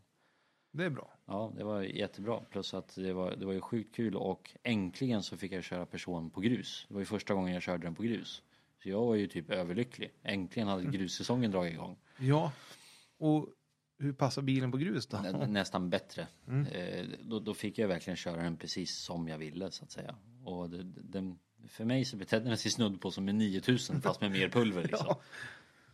Det, då, är, då måste det ha kommit helt rätt. Alltså himmelriket nästan. Ja, ja men alltså det var verkligen så under he hela min karriär med person. Det var ju liksom, det var min bil. Och då, då går det att åka fort och det bevisar det ju. Ja, Gång och, så, på och sen gång. liksom, det, det, bland det skönaste var att från, från att komma ifrån grupp E till att åka det där. Nu var det ju ingen som pratade om någon tjuvträning. Eller liksom tjuvtrimmat i, i bilen. Det, det, det förekom ju inte det snacket. För det var ju ingen som, jag menar vad, vad skulle jag göra? Motorn är ju plomberad, Mm. växellådan är plomberad ifrån Peugeot Sport. Liksom så här. Ja, det är en fabriksbil. Det är, Ja. det är svårt att göra något med R2. Precis. Och liksom så, det, det var ju kul att ha samma framgång som jag hade i grupp E. Men det fanns liksom ingen motståndare till det. Nej. Och det är ju, och det, då gick ju snacket i rallskog också. Ledin, vilken hjälte. Alltså, åker ju så grymt fort. Därför du utmanar ju grupp H-bilen också när du åkte som, Ja, speciellt om jag åkte vanliga tävlingar. SM var ju lite svårare Ja. för det blir lite mer edge på det. Men exakt, och lite längre. Mm. Men eh, sen eh, fortsatte ju säsongen bara rulla på, eller hur? snudd på. Eh, innan Askersund så bröt jag i nacken. Ja, just Mitt uppe i alltihopa. Eh, klar SM-ledning och alltihopa. Och två veckor före eh, så var vi i Höljes på deras folkhetstävling. Mm. Eh, och jag fick bil på bud. Och på vägen hem, jag sitter som passagerare, så hoppar ett rådjur ut framför vårat bilarsläp. Och eh, väjar för rådjuret och blåser rakt in i en betongmur och slår runt med bil och släp och bilen i släpet far ur släpet och ja, mycket. Och det slutade med att jag hade en fraktur i nacken så jag bröt nacken. Då är det inte, då är det inte riktigt lika kul längre. Nej, där och då så var ju allt förstört. Mm. SM var borta och alltihopa. Men det, det är rätt så roligt för jag har ju bilderna i mobilen. Fyra dagar efter att jag har brutit nacken. Mm. Då sitter jag hemma på min veranda och provar ta på mig tävlingshjälmen. Ja. Med min skyddsnackkrage som jag har, som jag hade i 13 veckor för att jag hade brutit nacken. Och så liksom jag får på mig hjälmen. Fem dagar senare, då sitter jag med hjälmen och provsitter rallybilen och bara Det borde gå. och sen några dagar före Askersund eh, då hyr jag en sträcka av bank Ja, eh, och har min vanliga krage på mig. Jag har hybridet på mig. Jag har Folkace nackkrage och sitter fastspänd och känner att nu kan jag faktiskt inte röra nacken överhuvudtaget. nej. Sen provade jag att köra sträckan och jag konstaterade att det gick ungefär lika bra. Förutom att när jag liksom ska gå in i böjen så kunde jag liksom inte vrida huvudet ut genom sidorutan. utan det var som att ha skyggslappar på sig liksom rakt fram. Eh, och konstaterade att det här funkar ju faktiskt bra. Uh, egentligen så är man ju dum i huvudet som gör det. Men eh, mi, min logik där och då var att jag hade inte ens en sjukskrivning. Nej, okej. Utan eh, de menar på att jag fortfarande skulle jobba som vanligt. Och då ansåg jag att om jag ska åka bil ifrån hemifrån till jobbet Mm. så kan jag åka rallybil. På grund av att jag var ju det levande beviset att det är mycket farligare att åka privatbil än vad det är att åka rallybil. Ja, men så är det ju. Ja, jag har liksom aldrig gjort någonting för att skada mig under alla mina år i motorsporten. Nej. Så jag var ju ett levande bevis på att det var mycket farligare. Eh, Plus att i rally så bestämmer jag fortfarande själv. Jag var ju inte den som skrota. Jag är inte Nej. den som åker av. Jag åker hyfsat säkert. Och Du- jag bestämmer själv. Ja, det kommer inte fem andra bakom dig. som- Precis. För senare under det där så ville de att jag skulle åka NGK och jag sa nej. Ja. Ja men du körde ju rally. Ja, då var det inte fem andra som ville döda mig liksom. Eh, Så jag kom till Askersund två veckor senare med nackkrage och alltihopa Mm. och körde där. Och dels så blev det ett jätteståhej att jag var där och körde. Ja. Men SS1 var jag alltså totalsnabbaste tvåhjulsdrivna. Jag tror jag var 1,8 sekunder före Söderqvist eller någonting på SS1 i Askersund. Vi ska, jag har inte det men jag, jag, jag ska kolla upp här. Ska vi få exakta siffrorna. Men det är ju Men- lite crossmentalitet där att eh, ja, man, jag kan ju åka, jag kan Det är så här, bryt i handleden Ja. men, men jag kan bromsa med en andra. Ja, läkaren säger liksom att eh, nej men du, du ska inte köpa cross på sex månader, sitt på crossen efter en vecka liksom. Och, mm. Nej, och, och jag vet ju det, för de var ju jättepå mig med rallyradion och alltihopa, hur, liksom, hur jag kunde åka så fort. Nu jag åkte ju fortare nu än vad jag gjorde då. Jag sa ju det att jag ser inte ut genom sidorutorna, så nu har jag ju ingen sladd. Ja, du var total snabbast. Ja. Med, ja, med ja, 1,5 sekunder över Söderqvist där. Mm. Så. Det Så, måste- och, och det var ju en väldig snackis före liksom så här, vilket tempo kommer Ledin ha nu liksom med nackkragen och alltihop och sen bara ja, nu fick vi kvitto på vilket tempo han kommer ha. Ja, och innan det hade du, du hade ju åkt mycket där innan Höljes också. Ja. Du hade ju Ja. tagit SM. Du vann väl Sydsvenska också? Japp. Så du hade ju en betryggande ledning i... Jo, i, men för, för, mig när jag satt där liksom på eh, skydds eller sjukhussängen Ja. där med bruten nacke så liksom allting raserade Ja. ju och det liksom för mig då så raserades ju allt jag hade byggt upp. Mm. Allt var ju liksom uppbyggt. Allt var ju perfekt. Jag hade ju fått den perfekta bilen, den perfekta starten. Allt klaffar ju. Det här passade liksom inte in. Det, det här skulle ju inte komma nu liksom. Nej. Men med all framgång så någon gång kommer en liten motgång. ja, men det var ju ingen liten heller. Liksom, så allting bara försvann. Ja. Det, det här var inte okej. Det är därför jag var så extremt envis på att det, det här ska liksom gå. Nej, och sen åkte du ju... Hur, ja, det- var det då du fick någon bromsproblem? Precis, inte nog med att jag hade brutit nacken. Alla mina bromsar försvann på de två sista sträckorna. Ett bromsrör gick av. Exakt. Eh, och då innan jag var färdig med den sträckan och kunde nypa ledningen så hade ju all bromsvätska försvunnit. Är det där det finns något foto på Motorsport for sig nu? Typ gå baklänges ut mot någon telefonstolpe. Ja, precis. Eh, Jag har alltså absolut noll och då försvinner ju handbromsen också. Ja. Eh, Det jobbiga var inte att åka på sträckan. För jag visste att jag ska kunna komma i mål som trea och det är bra poäng. Det ska gå. Jag, jag tänker inte bryta. Nej. Bilen låter och den går framåt. Då ska jag kunna komma i mål. Så jag tror två bilar körde om mig på sista sträckan eller någonting för jag släppte om dem då. Det var väldig planering. Erik var mer än två kurvor fram i noterna för att berätta när jag liksom skulle motorbromsa ner bilen. Var det väldigt extremt så fick jag ju stänga av bilen med en låg växel i och sen slå på den igen för att åka. Det var inte det läskiga. Det läskiga var, eh, första läskiga var att när jag skulle försöka bromsa in för att stanna vid eh, TK-bilen. Ja. Mm. Så jag fick ju vrida ner bilen i diket för att få stopp på den och sen köra upp den igen och liksom lämna in och och så har du inga bromsar? Jo, lite. här, Säg inte att du inte har bromsar. Eh, Det läskiga var att ta sig därifrån tillbaka in till stan. Det kan jag tänka mig. Och när jag och Erik åkte på stora vägen då, så vi åkte typ 40-50. Men liksom 40-50 utan bromsar, det tar fortfarande en stund att få det till noll. Ja. Och jag sa det direkt till Erik att är det ett stopp här framme eller någonting, bara så du vet, jag vrider den raka vägen ner i diket. Så jag tänker inte köra in i någon annan eller någonting, utan Nej. är det någonting så jag vrider och Erik bara, ja det är lugnt. Ja, så jag lyckas ju komma med, tror jag hade 32 sekunder till godo eller någonting för att klara min minut att åka upp på, vad heter det, rampen. Och jag tycker att det roligaste av allt var ju att jag åkte på efterkontroll. Ja. För den som kom trea skulle de göra efterkontroll på. Kolla bromsar.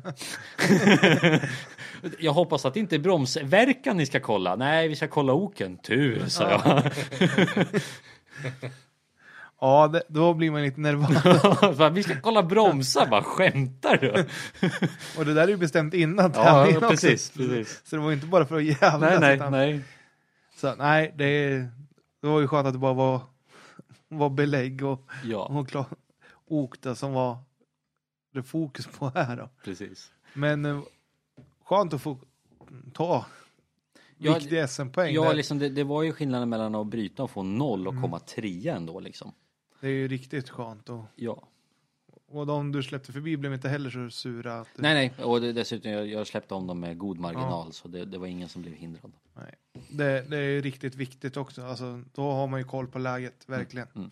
Det ska man ju ha en eloge för. Att om man vet att det är, man har problem, att man verkligen tar sig tiden och Ja, Och och dem andra chansen överlag så är det ju svårt. Det är skitsvårt att se någonting för 90% av alla rallybilar har ju ingen invändig backspegel.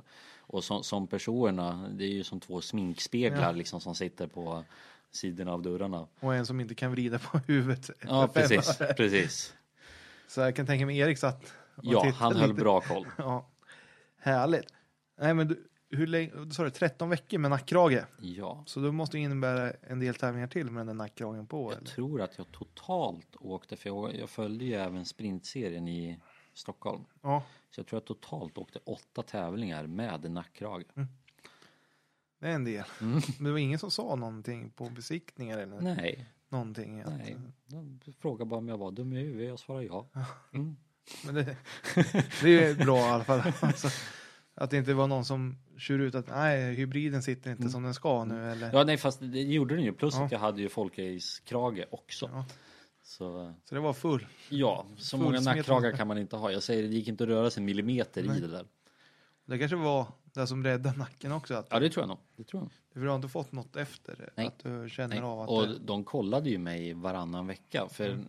när kotan går av som den gjorde för mig så får den bara flytta sig 8 grader ur position. Flyttar den sig mer ur position så måste de öppna upp och operera om det. Och det vill de inte eftersom att det är alltid farligt att operera i nacken. ja, Så de höll ju koll på den där, så varannan vecka var jag ju inne och röntga och se liksom om den har flyttat sig eller någonting. Så jag fick ju indikation på att tävlingarna inte gjorde någonting heller. Ja, då kan man ju inte sluta, då är det bara att fortsätta. Ja, precis. Jag fick, jag fick ju ett inofficiellt OK. ja exakt. Och många frågar mig liksom, vad säger läkaren när du åker rally? Och jag sa, måste jag fråga dem? Exakt, om det inte syns. Nej, precis. har gjort något drast. Men vi har ju missat en lite stor grej i, i karriären här. Du fick ju åka över till Estland också. Ja, och eh, det var ju alltså strax före vi åkte SSR så blev det bestämt att jag skulle åka EM i Estland. Ja. Eh, Och det är faktiskt den enda gången, jag ska inte säga lätt, men jag hade det helt okej att jaga sponsorer. Mm. Det gick faktiskt bra att få ihop det. Jag fick ihop sponsorerna jag behövde för att åka över dit och köra tävlingen. Eh, Och då fick vi lite panik ner till SSR.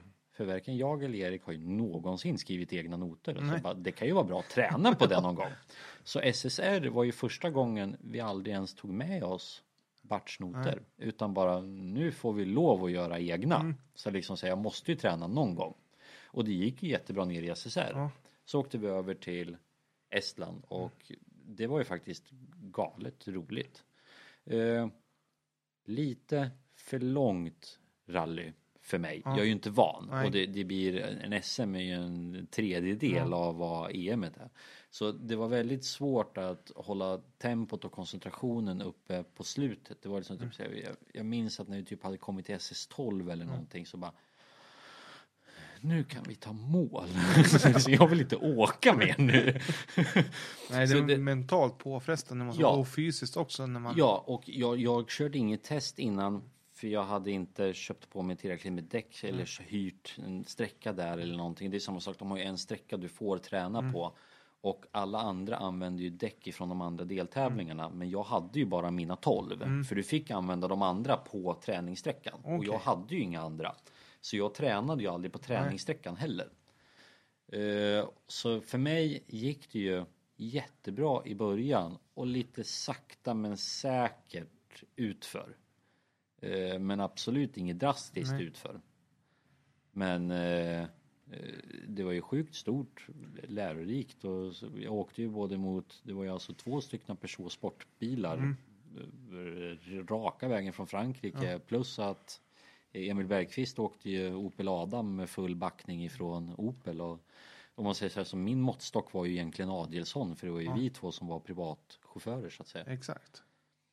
Och han rullar ju, har vi hört tidigare. Ja, jag, jag tror jag hade, tror jag hade typ 40 sekunder till godo eller någonting på honom när han rullade. Så även fast han rullade så tyckte jag ändå att jag fick en bra måttstock. Att någon jag såg upp till när jag åkte grupp E. För när jag körde kulling i grupp E, då åkte ju han person i Okej. kulling. Så jag vet att jag gick ju depån och gick förbi honom och han hade ju sina rollapper och stora bandyroller och liksom de här hjälper oss och liksom Shit vilken bil. Mm. Sån, där, sån där vore ju ascool. Jag kommer aldrig komma nära en sån bil men den är ju ascool. Två år senare så har jag en likadan liksom. Det, Ja, det är ju alltså. Det är ju det som är så fantastiskt att det går verkligen att kämpa sig till och om man är framåt och på att man får stöttning till att göra det man verkligen tycker om att Ja, göra också. Många gånger, så, så, det, det låter illa men ge mig fan på någonting så, så löser jag det. För det, det sa min bror till mig typ när jag tänkte på person. Den var ju helt utom räckhåll. Mm. Men han sa till mig direkt att jag vet att du kommer ha en. Och jag bara, va? Tror du? Och så bara, ja, sa han. Så här, Allt du har gett dig fan på att du ska ha, det har du. Så här, liksom, jag vill åka rally, jag åkte grupp E. Så här, jag skulle vilja prova en Ford, jag provar en Ford. Är liksom så här, allt jag har velat gjort har jag gjort. Liksom, hållit på tills jag lyckas. Även fast det var på dagen jag löste det med person. Men det löste sig. Nej, och du åkte ju otroligt mycket bil under det här året måste Ja. man ju säga. Ja, Du säger du åkte ju sprint, Östra sprintserien i Stockholm, du åkte SM, du åkte så mycket det bara gick. jag åkte. Kroatien, jag åkte i, vad heter det, Norge. Så jag åkte i fyra olika länder. Och 2015 körde jag 25 rallytävlingar och vann 20. Det är imponerande. Och då är det liksom SM, det var EM, det var i Norge, det var Kroatien, liksom så här, åkte allt. Ja. Och det måste ju ha varit så jäkla skönt att få ta ett SM-guld, för du tog SM-guld det här året. Mm. Och när säkrade du det? För det är svårt att se. Var det klart till Uppsala eller? Ja, jag tog det i Linköping. Ja. När Linköping var färdigt så var jag klar svensk mästare. Och hur gick tanken? Jag tänker, ville du prova något annat i Uppsala eller ville du Eh, verkligen? Nej, eh, det var nog typ bland de så här första gångerna för annars har det varit så här, nu har jag Forden, jag skulle vilja ha en Peugeot. Så här, som så hela tiden varit. Men nu var det mer så här liksom, nej, det här var min bil. Den var mig. Sätter jag mig i någonting annat så kommer inte det vara mig så att säga. Utan det var nog inte förrän året efter det liksom det började liksom, här, det skulle vara coolt att prova en R5. Nu har jag fortfarande inte gjort det till Nej. än idag då. Men det, då var då, men just där och då, nej. Det var liksom så här, det, jag och person forever liksom. Ja men det är ju en skön känsla. Alltså, de har ju kommit rätt i, sin, i sin satsning också. Mm. Att nu ska vi fortsätta med det här ett år till eller Ja, hur? Det för tanken måste ju ändå ha varit att Ja, jo, men år. alltså det, det var liksom, nu, nu vi, kör, vi kör på ett år till. In, inget överivlat och hoppa över till någon annan klass eller ta ett steg för tidigt eller något utan ja, just där och då var jag nöjd i det jag var. Jag ville köra det ett år till. Det var ju liksom, även fast jag vann nästan allt som gick att vinna så var det fortfarande sjukt kul. Liksom, hade inte nått toppen än. Det var inte förrän i slutet av 2016 jag började känna att nu försvann utmaningen lite grann. Så här, liksom, nu hade jag vunnit det som gick att vinna nu börjar jag ta i allt vad jag orkar för att slå de värsta tvåhjulsdrivna grupp H och jag borde inte ens göra det liksom. Nej, men alltså det är ju bra att man får ett nytt mål att sträva efter. Mm. För då åkte du lite i Svenska rallycupen också 2016, eller hur? Ja, Och var med och slogs i toppen där också. ja, jag tog ju hem Svenska rallycupen och då åker vi ju bland grupp H-bilarna. Ja. Så det, det var ju jag mot en hel hög grupp H-bilar. Och SM också. Nej, där åkte vi i våran otrimmade tvåhjulsdrivna klass. Ja, ja, men jag tänkte, du tog hem ett SM-guld det året Ja, också. ja, ja, ja två, två, två, två SM-guld Mm. i rad i otrimmat. Och Svenska rallycupen. Det, är- Ja. det är inte dåligt med en R2-bil om man Nej, säger. precis. Men om vi ska ta lite höjdpunkter från 2016 då, vilka skulle du vilja lyfta fram där? Det, det, det var också sånt där år, jag vet inte om jag kan lyfta fram någon speciell. Det, det var ett bra år rakt igenom. Du gick tillbaka till lite grupp E också. Ja, eh, och det, var ju mycket för att eh, de pratade om, de hade börjat med RM1. Ja, okej. Eh, och eh, de berättade alla, för det var ju några jag hade åkt mot förut, hur sjukt mycket högre tempot hade blivit i grupp E. Ja. Och jag liksom, så här, coolt, jag vill åka igen. Ja. så jag lånade min brors bil och åkte RM-finalen i Sigtuna tror jag den gick. Okej, ja. Eh, och det slutade med vinst plus att jag fick med mig någon stor jädra vandringspokal. För jag var den snabbaste enhjulsdrivna bilen så jag tog alla wokar och alltihopa där också. Och mycket beror på att jag har ju typ samma körstil i R2. Så när jag klev ner ett steg så blev det ju liksom samma sak. Ja. Bara det att tempot var lite långsammare så jag fick ännu mer tid på mig att planera kurvorna. Så liksom det, det var ju verkligen inte att det var svårt att gå tillbaka utan det gjorde det nästan enklare att gå tillbaka. Plus att jag kom fram till att vad sjukt kul det var att åka grupp E-bil. För det går fortfarande inte att ta bort. Det är sjukt kul att åka. Sen får folk säga vad de vill. De som säger att det inte kan vara kul, de har inte kört grupp E. Nej, men jag kan tänka mig att du behöver ju, som du säger, tänka och sen verkligen hålla farten uppe hela tiden. Jo, men om man säger någon som är någorlunda snabb i grupp H tror inte jag är typ ett dugg snabb i grupp E. För är du någorlunda snabb i grupp H då lever du mycket på att ha en stark bil. Du kan göra en liten sämre kurva för den sticker iväg på rakan i alla fall. Det går inte i grupp E. Nej. Där lär du liksom ha den här finstilta körstilen för att komma någon vart. Där ser man ju, många som tar steget från grupp E till grupp H är ju oftast väldigt snabba Ja. om du har varit Ja. i toppen flertalet tävlingar. Helt klart, helt klart. Så. Och sen var det ju S, var det S60 ni åkte? Hade börjat byggt då eller vad? Ja, och vad heter det? Jag vet inte om det var det 2016 jag åkte den i Morgongåva? Ja. Ja, eh, då var det Valkyria som tyckte att vi skulle åka en tävling och jag hade nog, jag hade, min motor var nog ivägskickad till person. Så jag bara, "Ja, ja, men vi anmäler oss väl i brorsans bil. Så jag anmälde mig i brorsans bil för det var sista anmälningsdagen. Dagen efter ringde jag och frågade om jag fick låna honom. och när jag ringde så sa han Hej, hej, du jag har en fråga. Jag vet, jag har sett anmälningslistan. ja, jo just det, får jag låna den? Ja, det får du väl. Nej det får du inte. Ja, för mig var det ju lite speciellt för Morgongåva var ju min första rallytävling. Ja. Som att jag åkte i Vimmerby det första Ja. jag körde, men det var ju för att åka Folkisbanan. Men Morgongåva var ju min absolut första rallytävling, så det är ju lite nostalgi för Ja. mig i den också.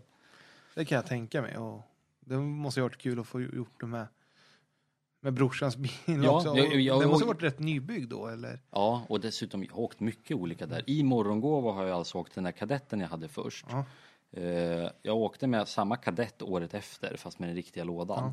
Sen har jag åkt min Peugeot där. Mm. Jag har åkt när jag lånade den här Astra Grupp E-bilen för att visa att det inte bara är 9000 jag kan åka. Och jag åkte S60. Så jag har åkt väldigt mycket variation av bilar i Morgongåva. Ja. Det är lite av så här. Det, det börjar säsongen kan man säga. Ja, ja precis. Då, då drar det igång. Ja. Så. Men sen var det ju Kroat, Kroatien det här året också va? Ja, och det är väl om jag ska dra upp någonting som bland de största. Det, det är väl typ det coolaste jag har gjort. Eh, Så populärt som fotboll är i Sverige, Ja. det är rally i Kroatien. Rally är alltså deras folksport. Så när vi kommer dit, det är alltså fredag, lördag, söndag. Vi tävlar söndag. Fredag börjar de med en fest. det, det är banketten, typ. Så vi börjar fredagen på fest vid banan i deras jättestora tält och alltihopa. Alla lär känna alla, det är jättestort. Lördagen är startceremoni. Så det vi ska göra då är att göra noter på sträckan och vi ska åka över startrampen. Och det är bland det sjukaste jag har gjort. De har alltså pyroteknik så det bara blåser eld. Det är kravallstaket för att folk inte ska trycka sig fram. Och det står vakter överallt och typ får hålla emot staketet.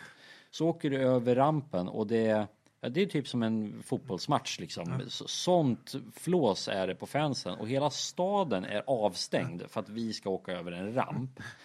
Och det är folk precis överallt och det, det slår EM i Estland liksom med folksamlingen och de, den passionen de har. Det var samma sak med prisutdelningen. Då står det 20 vakter och liksom typ så här håller händerna för att liksom det inte ska tryckas på för mycket med folk mot prispallen. Det måste ju vara en upplevelse i sig. Ja, alltså. det, det är helt galet. Och hade du en overall på dig, då är du gud. Det är liksom det finaste som finns. Det är liksom så här, skulle vi kunna få en autograf? Så här, skulle du kunna vinka till mig? Det är liksom, det är, det är likt ingenting annat. coolt att få uppleva en sån sak i sin karriär. Verkligen. Och de tyckte de gjorde det till en jättestor grej och för dem var det en stor grej att vi kom från Sverige. Liksom. Ja, svenska mästaren kommer. Ja, men liksom, och, och för dem, det här går på grus, vilket ingenting annat gör för dem. Ja, okej. Eftersom att det är ju asfalt där nere. Eh, så de skrev ju upp det jättestort liksom Gravel Master from Sweden is coming to this rally. Liksom så här, gjorde det jättestort. Så redan innan vi ens kom ner dit så var vi redan upptryckta till skyarna liksom. Och det gick inte att ta miste på när jag och Valkyria gick där, vilka som var svenskarna. Så som, där har vi en blond kill och en blond tjej. Det är nog de som är svenskarna liksom. som ser lite lost ut. Ja, det är de. Så ja, det måste ha varit en grym känsla i alla fall. Verkligen. Och då hade du åkt, alltså Valkyrie hade ju hoppat in lite då och då eller Ja. åkt med dig lite i slutet där i alla fall. Ja. Nej, så vad heter det? Vi- började i princip lära känna varandra när jag bröt nacken. Okej. Eh, Hon var, jag ska inte säga den första, för hon var den enda som skickade hem blommor till mig. Och jag visste typ inte vem hon var före det.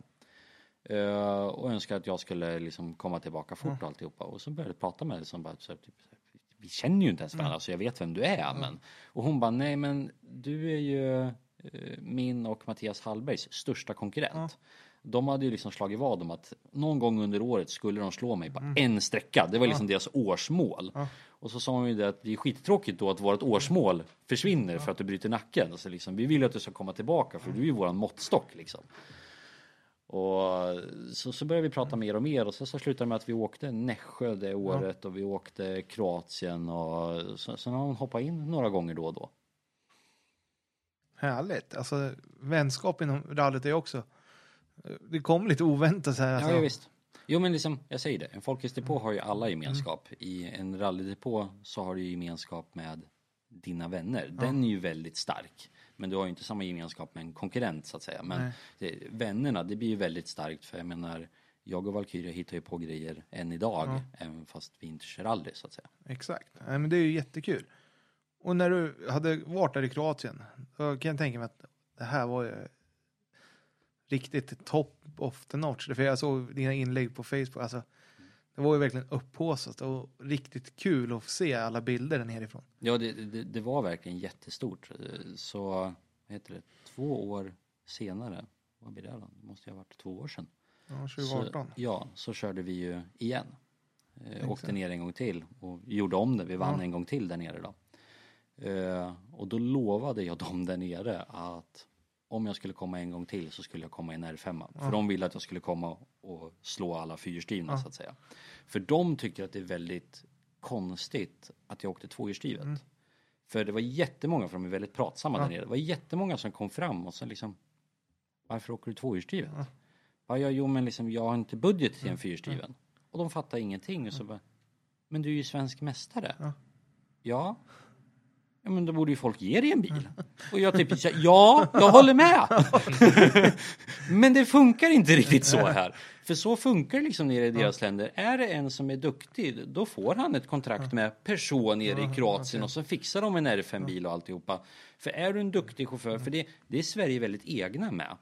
Är du i utlandet och är en duktig chaufför, då sitter du i en fyrhjulsdriven. Och inte för att klanka ner på de fyrhjulsdrivna, men är du en riktigt duktig... Jag skulle säga att de bästa chaufförerna i Sverige hittar du i tvåhjulsdrivet.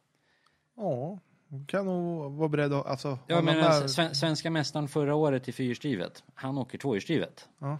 Ja, vi har sjukt duktiga tvåhjulsdriftsåkare och det förekommer inte i många andra länder. Nej. För där är inte eliten, finns inte i tvåhjulsdrivet och Sverige har en sjukt bra elit i tvåhjulsdrivet. Men så är det ju. Alltså, vi, jag tror vi bland de världsledande i tvåhjulsdrivna klasser. Det är Ja. bara att kolla när de kommer ut i junior-VM. Alltså, Mm. Det är alltid svenskar med i toppen i Mm. junior-VM. Och det är ju där man kan säga det internationella mästerskapet att åka om du ska åka. Ja, och, Och i ERC. så de, de är mycket bättre i andra länder. Alltså många pratar om Finland, men det gäller typ alla länder. Är det en duktig chaufför så ser de till att han hamnar i en fyrhjulsdriven. Ja, Och så, så funkar det inte. Så de hade jättesvårt att förstå att men liksom så här, du lär ju vara överöst med sponsorer. Man sa, Nej, tyvärr inte. Ja, fast du har ju vunnit två SM-guld. Här, Jag vet. nej men det, det, jag vet inte vad som skulle, alltså det har ju ändå blivit ett uppsving inom rallysporten. Mm, Helt klart. Men vi har ju inte fått in de här stora aktörerna. Vi har inga fabriker som... Nej, men Eh, det, det, fin, det finns ju jättemånga exempel på när systemet inte riktigt funkar. Ja. Emil Bergqvist är ett jättebra exempel. Han har ju kämpat hur mycket Mm. som helst för, för att få till och också gjort något snedstegsval som att åka Citroën var väl inte det bästa valet och såna grejer. Men du måste ju kunna få göra ett snedstegsval också. Men han är ett jättebra exempel på att hade han bott i Finland, i Kroatien eller någonting. Han hade ju kört en VRC-bil idag liksom. Så, så, så är det ju. Men vi svenskar kommer inte dit. Nej, Pontus är väl den som har varit närmast men ingen ska ju säga att han inte kämpar heller. nej. Han, Han har ju också varit inne och ute och inne och ute. ja, det är ju ingen som har haft en... Alltså, ja, det är ju Pontus som har haft sina VRT2-kontrakt. Mm. Det är ju närmsta fabriksförare som har kommit. I nutid jag menar det är samma Med sak. fyrhjulsdrivna bilar. PG hade ju skitsvårt. Mm. Det var ju svårt att hitta en större talang än PG Ja. på den tiden. Nej, så det, det är något... Det behöver komma in lite... Ja. Och tyvärr är det ju pengarna som styr. Ja, men jag menar liksom både Bergqvist och Tom har ju haft svårt att få en budget till att åka junior-VM. Mm. Och liksom det hade inte förekommit i ett annat land. Och jag, jag vet inte riktigt hur vi ska råda bot på det heller. Nej. Eller varför det är så. Jag tror, alltså det vi har pratat om är ju mycket det här, som du säger. Avundsjukan på att Mm. andra är snabba. Lite, lite av det tror jag att vi lider av utåt sett också. Alltså, Jo, men det, det är ju, för mig är det så konstigt för alla kan sitta framför Mm. i tv-soffan och skrika på skid-VM på att svenskarna ska vinna. De kan knappt uttala namnen Mm. på de som åker men den har en svensk skiddräkt på sig. Så alla sitter Mm. hemma och ställer sig upp och skriker ja när vi tar ett OS-guld. Men- Men vi kan inte hjälpa fram en duktig juniorkille eller tjej liksom. nej. Märkligt är det. Men du provade ju att åka lite DS3 också. Ja, eh, körde lite, också ett snedsteg. Men det, det var ju också en liten sån här, jag hyrde ju Forden av eh, Olin och det slutade liksom en bra karriär. Så man skulle ta och hyra någonting i trimmat tvåhjulsdrivet för sökte lite, jag kände mig färdig i otrimmat tvåhjulsdrivet. Jag älskar person men fortfarande färdig. Vad ska jag göra? Ska jag ta ett tredje SM-guld, liksom försöka göra det? det? Det kändes inte värt det utan då ville jag hellre ta ett kliv upp och prova trimmat tvåhjulsdrivet då. Och då hade ju Viktor Henriksson en DS3 som jag fick hyra av honom då. Ja. Eh, problemet var att det blev lite som Forden. Passade mig inte riktigt. Nej, Det var lite speciellt att åka kan jag så att mig. säga. Och jag vet ju att Johan Karlsson var väldigt snabb Ja. i det. Men han har ju inte min körstil heller. Och eh, hade jag varit, jag, jag tror ju att en som är duktig i Ford i R2 tror jag skulle vara sjukt snabb i en DS3 i skogen. Men den passade inte riktigt mig. Nej. Alltså det, jag ska inte säga att jag var långsam, men jag var ju inte så snabb. Jag tror snudd på många gånger så hade jag gjort sträckan snabbare i person än vad jag gjorde i DS3. Ja, men det hade du ju visat när du vann Svenska rallycupen också. Att du var ju vrålsnabb i person. Mm. Jag Men, tror- men jag, jag körde ju också person så max det bara gick. Mm. Alltså det, många grejer skulle studsa rätt om du skulle åka den fortare. För liksom jag, jag hade ju verkligen krämat ur max vad som gick att kräma ur Ja. den. Vad tror du om att ha, kanske bygga vidare på person till en Sä, ny, säg inte ny... sådär, det där har jag tänkt på flera gånger. Jag, men jag har konstaterat i mitt egna huvud att bilen har kostat en miljon innan jag är klar. Eh, Men om någon vill ha ett jättebra tips, för jag jag kommer nog inte följa efter det, men jag har varit nära många gånger. Min tanke var ju många gånger att om du tar person Ja. och sen så köper du motorpaketet ifrån 306an Maxin. Ja. Den har ju typ 280 hästar. Beprövad bra bil. Den har mycket pulver men den får ner den. Jag menar hur många gånger har inte Löb vunnit totalt med den han har och åker med. Stoppa den i 206 eller i 208. Ja. Då tror jag att jag skulle vara farlig trimmat tvåhjulsdrivet liksom när jag får åka min Peugeot fast med mer pulver i. Men jag säger ju det, en, sån, ett sånt motorpaket kostar en 700 och det kostar en 300 att få ordning karossen och det är en miljon när jag är klar. ja, det blir ju det till slut. Så. Men i nya grupp så skulle det vara jäkligt fränt att se ja, faktiskt. Ja, Så, men eh, alltså det är ju grymt kul att höra att man att du vågar prova nya grejer och sen att nej, det här var inte min grej. Att du, du inser ju det rätt fort. Mm. ja, ja visst. Jo, men liksom självklart måste du ändra dig lite efter bilen. Det är ju inget konstigt. Det går inte att bygga varenda bil som passar mig. Men eh, man känner ju när det blir för fel. Det är ju samma Mm. sak, jag har ju gjort inhopp och åkt Supercar Lights i rallycross Ja. också. För det gjorde jag för, förra året. Ja. För då tävlar jag ju typ ingenting i rally nästan alls. Nej, och konstaterar att typ det här året har jag inte gjort något. Det blev ingen Kroatien heller. Nej. Någonting vill jag göra. Ja. Så då pratade jag med R-sport och så hyrde jag eh, hans lights Ja. till finalen i Tierp. Och det var första gången någonsin jag körde fyrhjulsdrivet. Mm. Och det var också så här sjukt roligt. Eh, och även fast jag hamnade lite längre ner i listan, blev utesluten i första, sju kilo för lätt när jag kom i mål. Eh, egen rutinmiss, jag vägde aldrig före. Nej. Och efteråt så sa de, ja just ja, du är mycket lättare än han som körde bilen i Finland. Då måste man vikta dem. Ah, okej. Aha. Mm. Men det ska jag ha hållit koll på då. Så jag hamnade på bakfoten där redan då. Men jag, tidsmässigt så satt jag väl sjunde tid och sjunde tid och sjunde tid. Och det var ju Kevin Eriksson som var snabbast. Och jag tappade tre tiondelar på honom per varv tror jag. Så det var ju fortfarande liksom jag är där. Ja. Tre tiondelar får Kevin åka fortare än mig per varv. Det är helt okej liksom. Och då var det liksom, för det var sak där, jag visste inte om jag ens kunde köra fyrhjulsdrivet. Jag har ingen Nej. aning. Liksom så jag är kass på att köra bakhjulsdrivet så det kanske blir katastrof det här. Men det, det funkar bra och det var sjukt roligt att köra fyrhjulsdrivet. Det kan jag tänka mig. Och, Så då började ju tankarna gå till R5. Så jag gjorde faktiskt ett försök till att få till R5 nu till 2019 i Kroatien. För de ville jättegärna ha ner mig dit också för de hade 10-årsjubileum på sin rallytävling där nere. okej. Eh, men det är tydligen svårt att få folk att hyra ut dem. Ja. Så. Och jag vill inte hyra en i utlandet där jag knölar stad lite en bakskärm och så säger de att det kostade 40 000 att fixa. Utan jag vill hellre hyra någon och sen får jag fixa bakskärmen när jag har knölat in den och så får de säga ja vi tyckte det här var okej, bra, för jag har lack på också, min brorsa är plåtslagare liksom. Försöka hålla nere kostnaderna. Plus att jag vill inte komma ner och sen så, ja men den här är sättad för grus. De i utlandet kan inte sätta bilar för grus. Det kan vi här i Norden. Så liksom, det, det var också en tanke att om jag skulle hyra en bil där nere så var det typ så här, du Tideman kan jag få hyra dina fjäderben Ja, ja. till Skodan och ta med mig dem som handbagage ner liksom. Så att jag fick sätta på dem. Ja. Men eh, det rann ut lite för det var lite för svårt att få tag på bil. Jag fick erbjudande om att åka i Mitsubishi. Men då kom ju tävlingshjärnan fram där. Det är skitsvårt att slå R5 med en Mitsubishi. Ja, det det. Speciellt när man inte riktigt vet vad man gör i en fyrhjulsdriven. Jag vill ha rätt förutsättningar så då, då hoppade jag över det.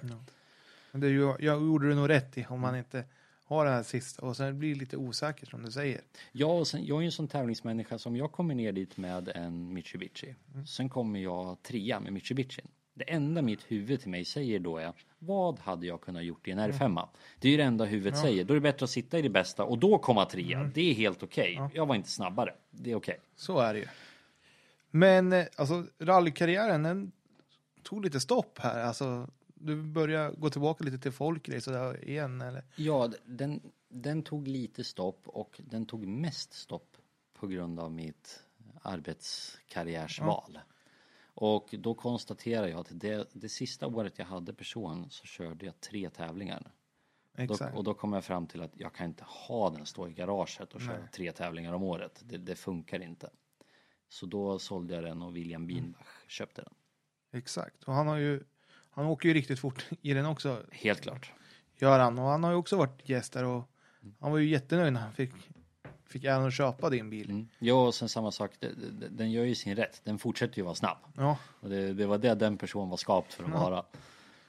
Sen har väl William haft otur med tek, lite tekniska bekymmer. Bilen blir ju äldre och äldre och sen Visst är det så. Jag Och sen- menar, jag, jag, jag, jag tror att när jag sålde bilen så har väl bilen gått typ så här 60 eller 70 tävlingar eller någonting. Det är fortfarande väldigt mycket. ja, så- Så helt klart så har den ju gått men så här, jag- jag såg till att sköta den efter restriktionerna som Peugeot hade med serviceintervaller och vad som skulle bytas och alltihopa men en, en gammal bil är alltid en gammal bil.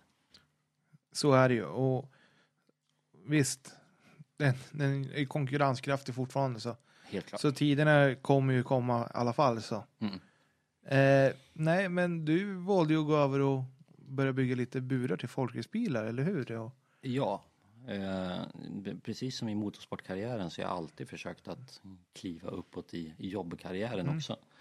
Så, så jag började på industri på golvet och var maskinkörare men har alltid velat högre då så sen sex år tillbaka så var jag ju verkstadschef på verkstad då.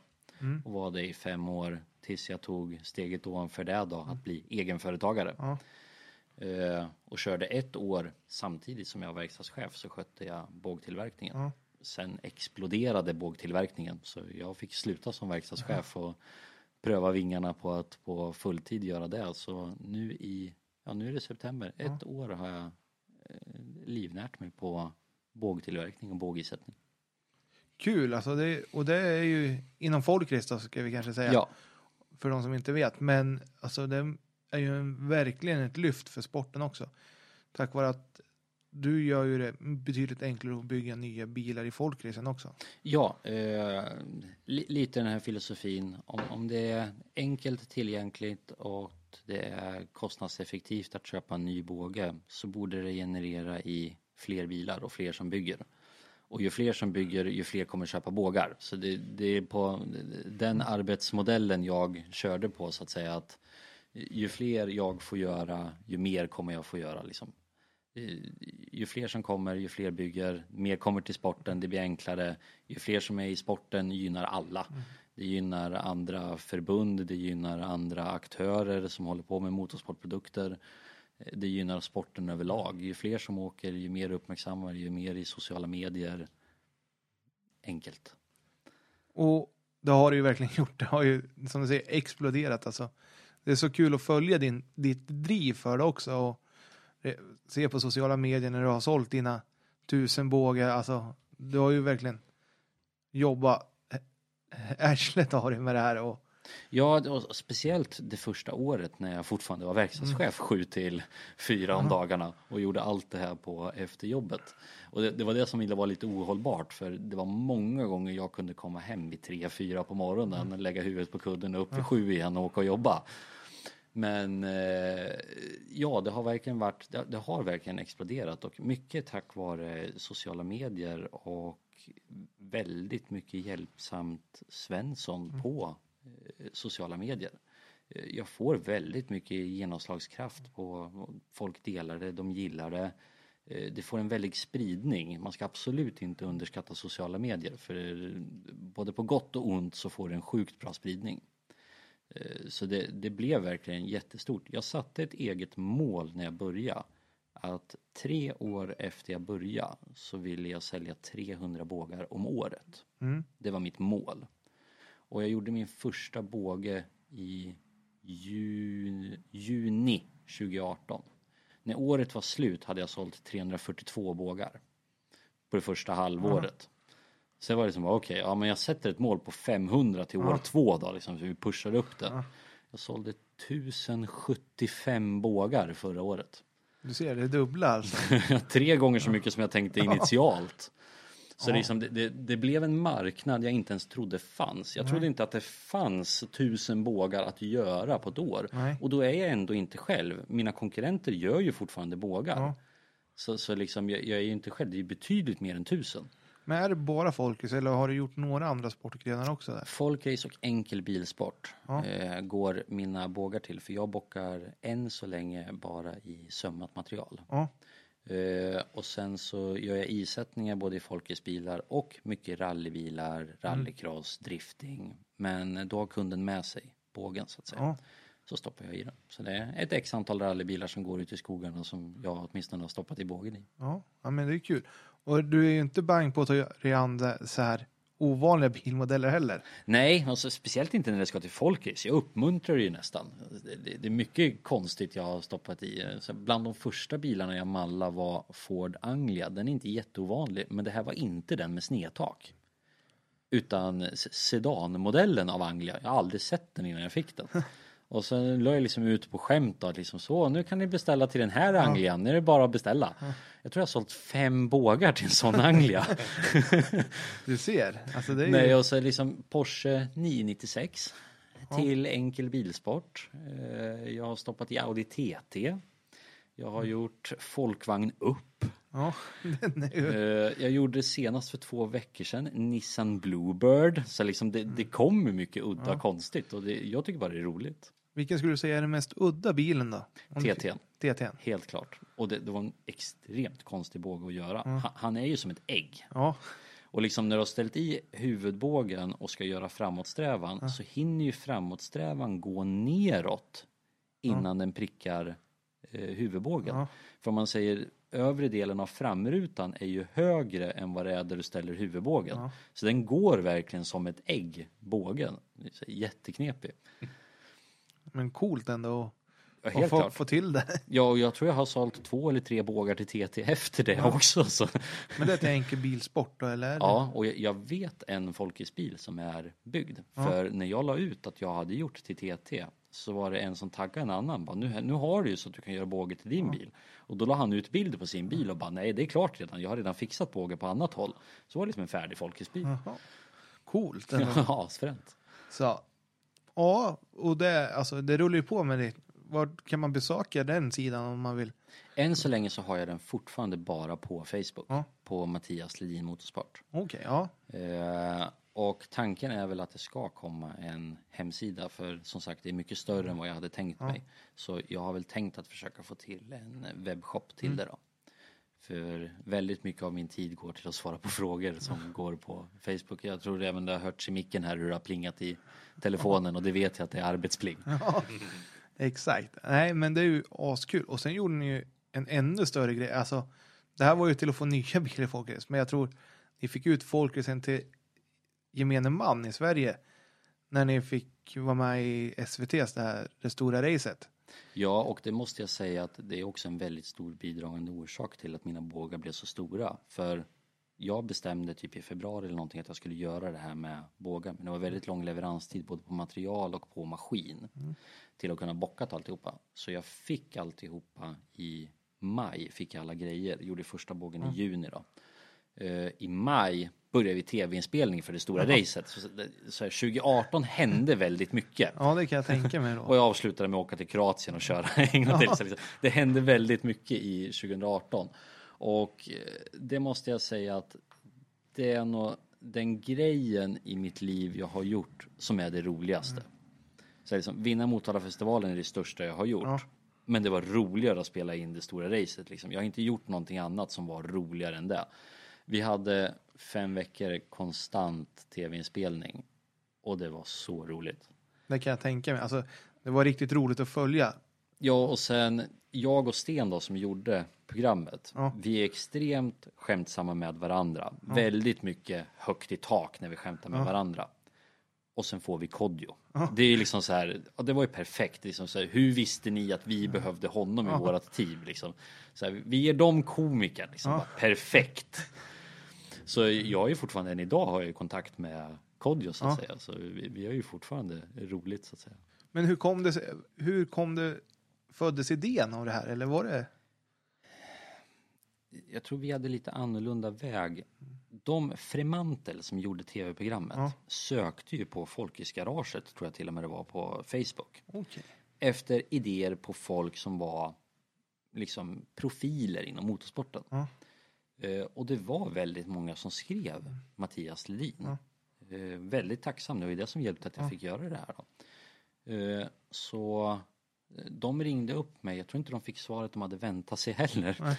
De ringde upp mig, de fick, skrev till mig då, vi skulle vilja höra av oss till dig för vi tänkte göra ett program om folkrace. Och jag bara, det låter jätteintressant, här är mitt telefonnummer. Så ringde de och så här, typ, nästan ordagrant så sa hon att vi tänkte göra ett program om folkrace och sända det på SVT.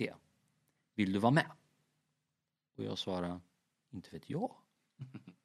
Ja men vill du inte vara med i TV? Men jag vet ju inte vad du ska göra. Nej, liksom, du lär ju förklara vad du ska göra för någonting. För, så jag tänker inte svara ja på att du ska göra ett Ullareds-program och jag tänker liksom inte vara Ola-Conny i folkrace liksom. Så då är svaret nej. Och hon bara jaha, och så hon var inte alls med på att jag skulle liksom inte bara direkt hoppa på det. Så, så jag, jag typ sa, ja men ring tillbaka när du har mer information. Ja men vi ska ha lite möten och grejer. Så ringde hon tillbaka typ en vecka senare så bara, nu har jag mer information. Ja, kanon sa jag. Sen berättade hon att de skulle göra ett program där Eh, De ville att det skulle vara två i varje lag och så liksom, har du någon som passar ditt lag? Och jag bara, ja, sa jag, jag har en bästa polare. Jag tror det skulle kunna bli jättebra, sa jag. Ja men kanon. Eh, och sen så ska vi göra ett program om Folkis där ni kommer få en kändis tilldelad till er.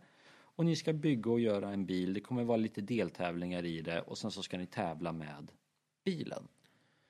Ja, sa jag. Och så sen, men jag sa liksom, vem är det som bestämmer programmet så att säga? Och hon liksom bara, ja fast det är ju ni som är experterna på folkrace, inte vi.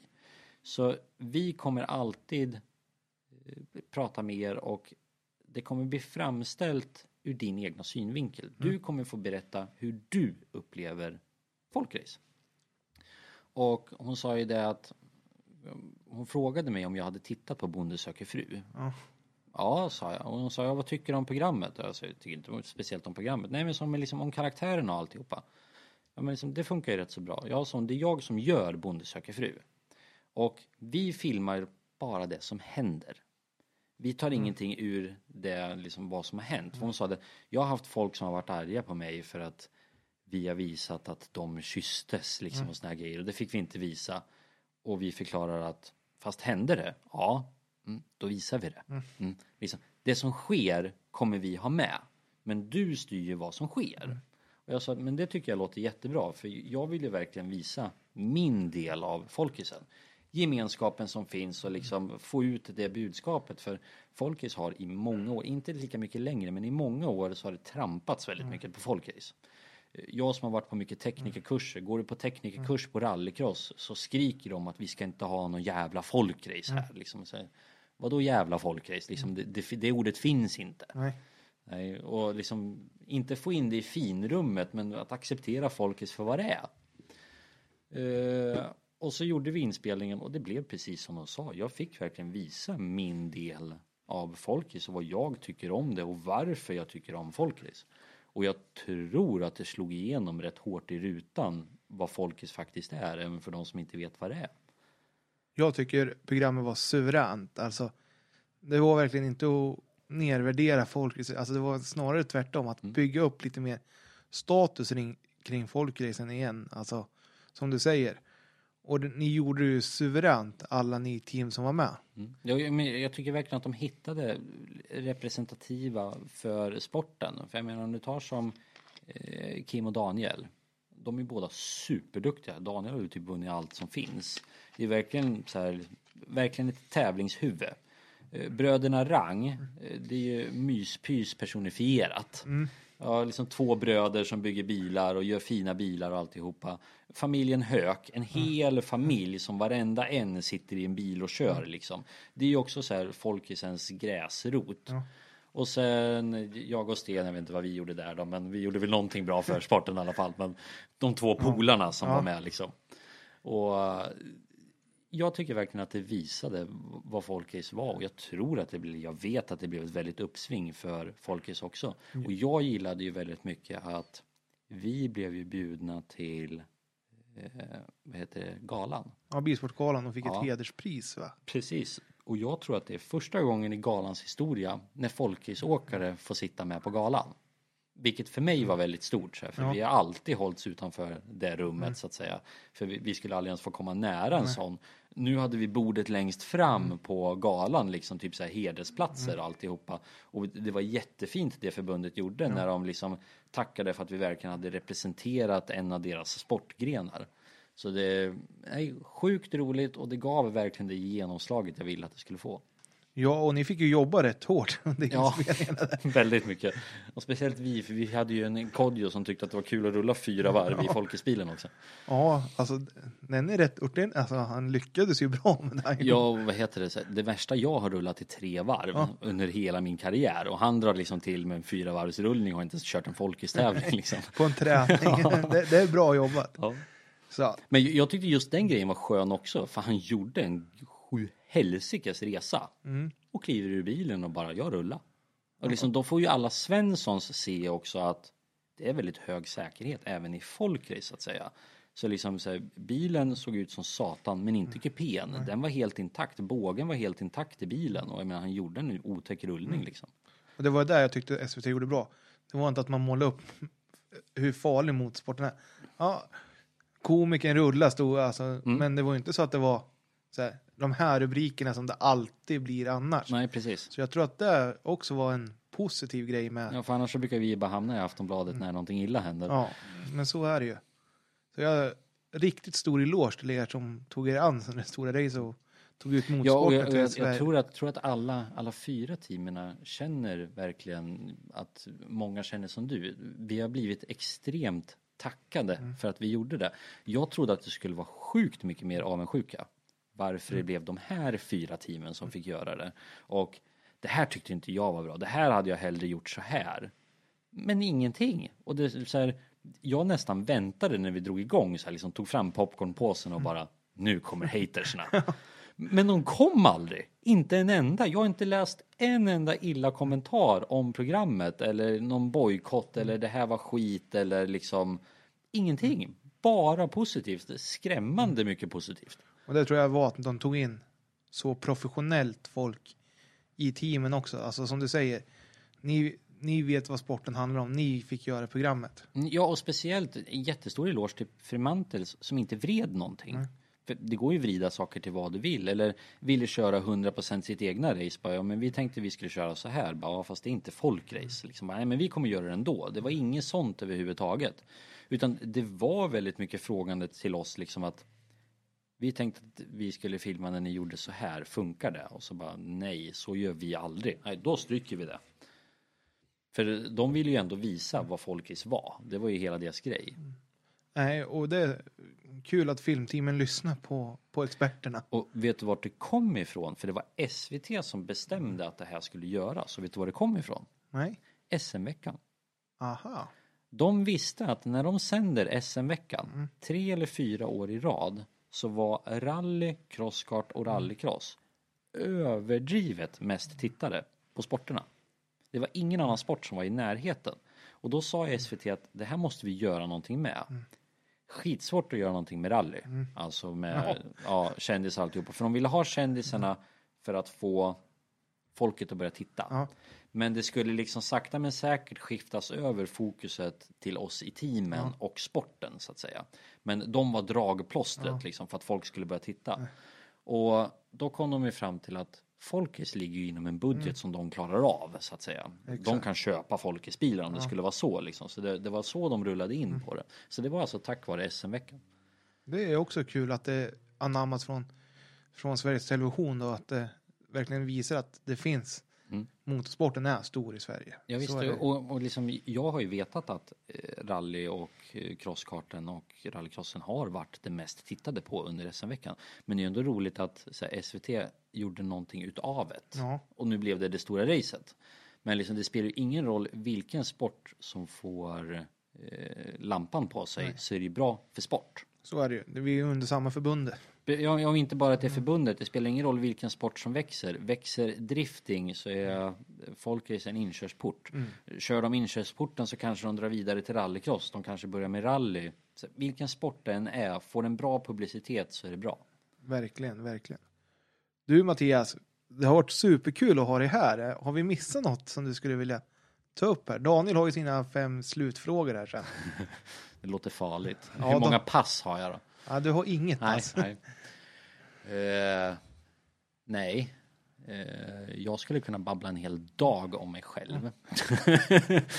Men jag tror faktiskt inte vi har missat någon nu. Vi har väl nästan gått igenom hela karriären. Ja, Eh, Förhoppningsvis kanske jag kan komma tillbaka hit om tio år och ha fortsatt karriären på något sätt.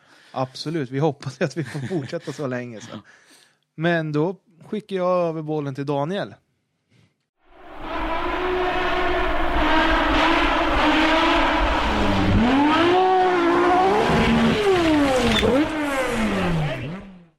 Ja, eh, bästa tävlingsminne skogsminne liksom. Rally, Mm.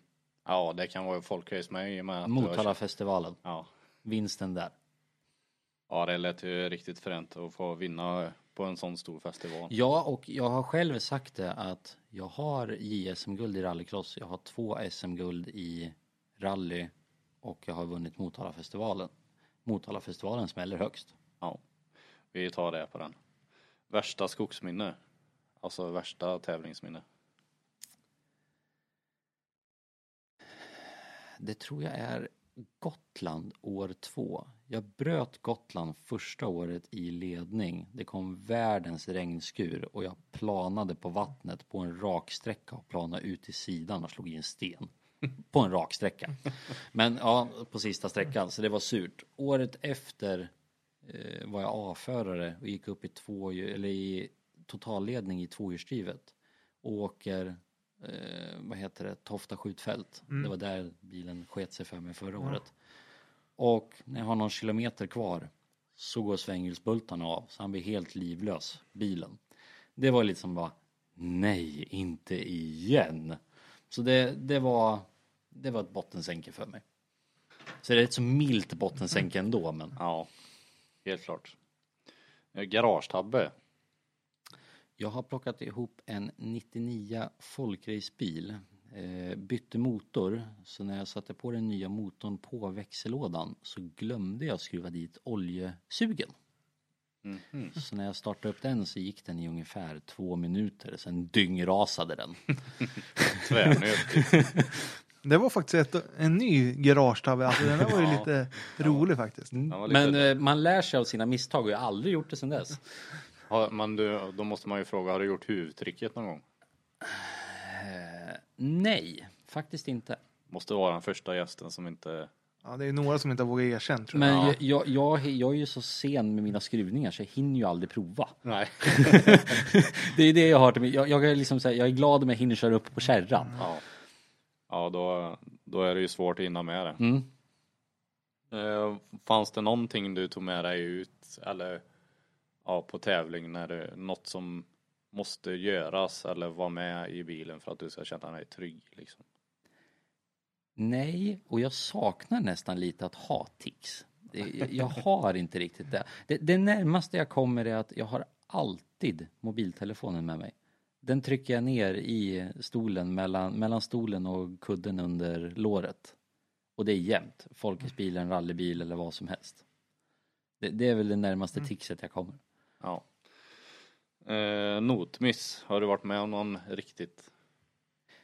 Jag måste säga tyvärr inte. Och det, det, Det kanske är svårt med när du vet hur det svänger eller när du Ja, har vägminne. eh, jag har gjort notmiss. Men om man säger som Erik, vi åkte ju alltså fyra säsonger i rally. Aldrig gjort en notmiss. Det är Jag, bra. ja, men jag blir ju arg på honom. Alltså jag gör inte ofta misstag, men jag gör ju 100% mer misstag än vad han gör. Sen någon gång kan han väl säga fel. Och jag har smält in bakskärmen i en V-trave. Det var vänster 4 minus. Och då konstaterar jag att det ska gå på fyran. Fyra minus ska jag klara av på fyran. Och gick in fullt på fyran. Det var bara det att det var vänster 4 minus till höger 2 minus. Så när jag, jag kom in på fyran, det gick. Mm. Sen skulle jag väldigt mycket höger och det gick inte. Och då gick jag rakt ut i en däcktrave och det small satan och small ut eh, bakrutan, sidorutan. Jag hade ett jättefäste skruvat i karossen till mutterknackan. Mutterknackan gick rakt ut genom bakrutan. Han gick igenom karossen, eh, fästet och släppte ut. Och vad heter det? Det slog till så hårt så Eriks hjälm vred sig ett kvarts varv så han såg ingenting för det vred alltså i micken och alltihopa. Det var sån smäll och det första jag gjorde var att slå på tändningen och trycka på startknappen och Erik berättade efteråt att han tänkte är du dum i huvudet eller? Bilen hoppar igång och jag backar ut och fortsätter sträckan. Det gick fortfarande att köra och det var liksom känslan när jag gjorde den var ungefär som att rulla två varv ut i skogen för så small det och snurra runt och for och alltihopa. Så jag bara starta bilen och åka därifrån. Det, det är bra. Ja, jag fick göra skaplig riktning på servicen för att få ihop den och kunna fortsätta men Du, det det kan jag tänka. Vilken jävla stridsvagn till bil. Ja precis. Sen eh, har vi fått en eh, ny tanke på, eh, har du någon förebild eller haft någon förebild när du har kört? Rallycrossen var ju Kenneth såklart naturligt. Ja. eh, som var min förebild. Eh, I rally har jag inte riktigt haft någon. Om man säger hela min uppväxt så har jag sett upp väldigt mycket till min bror. Och det är han som har kört runt på mig väldigt mycket. Hela min Folkets juniorkarriär så körde han mig överallt. Han skruvade allt. När jag åkte rallycrossen så för att betala däcken så jobbade ju han i Avon-bussen med Hansen. Så han jobbade ju typ torsdag till söndag varje tävling och istället för att ta betalt så tog han däck till mig. Så i fem säsonger rallycross har han jobbat däck åt mig. Oj. Eh, och alltid varit den som har hjälpt mig när jag gått banan. Eh, jag har alltid utåt inte lyssnat på honom. Han förklarar för mig att du kan inte köra så i den kurvan. Jag blir arg på honom och säger att det går inte att köra på något annat sätt. Så går jag därifrån och sen så tänker jag på hur jag skulle kunna förbättra för han sa det. Så jag har aldrig kunnat erkänt det för honom. Eh, klassisk brorsor. Men det är nog den jag har sett upp mest till. Nu anser jag att jag har gått förbi honom. Men jag ser fortfarande upp till honom. Ja, eh, bröder är alltid gött att ha i motorsportens värld. Ja. Finns det någon du skulle vilja höra i Rallypodden? Som inte vi redan har haft med.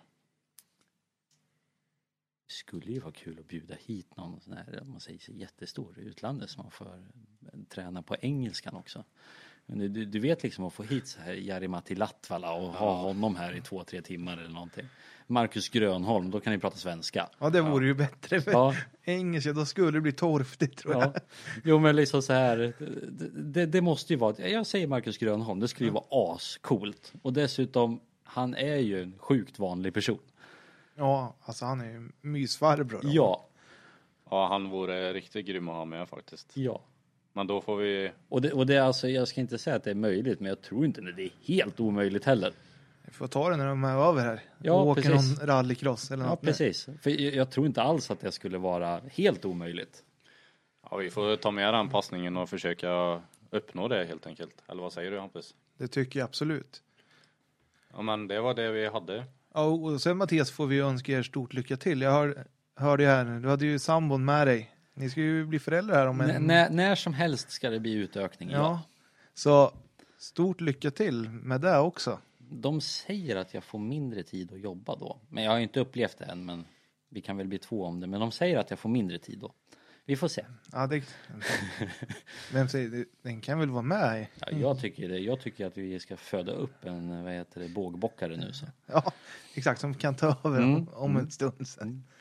Nej, men jättetack för att du ville vara med. Ja, inga problem. Ja, Tack, tack för att jag, tack för att jag fick komma. Tack så hemskt mycket. Jag har suttit och bara njutit av eh, hela historien här. Det är därför man inte säger så mycket. Jag sitter bara och lyssnar. Och på återhörande allihopa. Mm, tack så mycket. Ja, tack.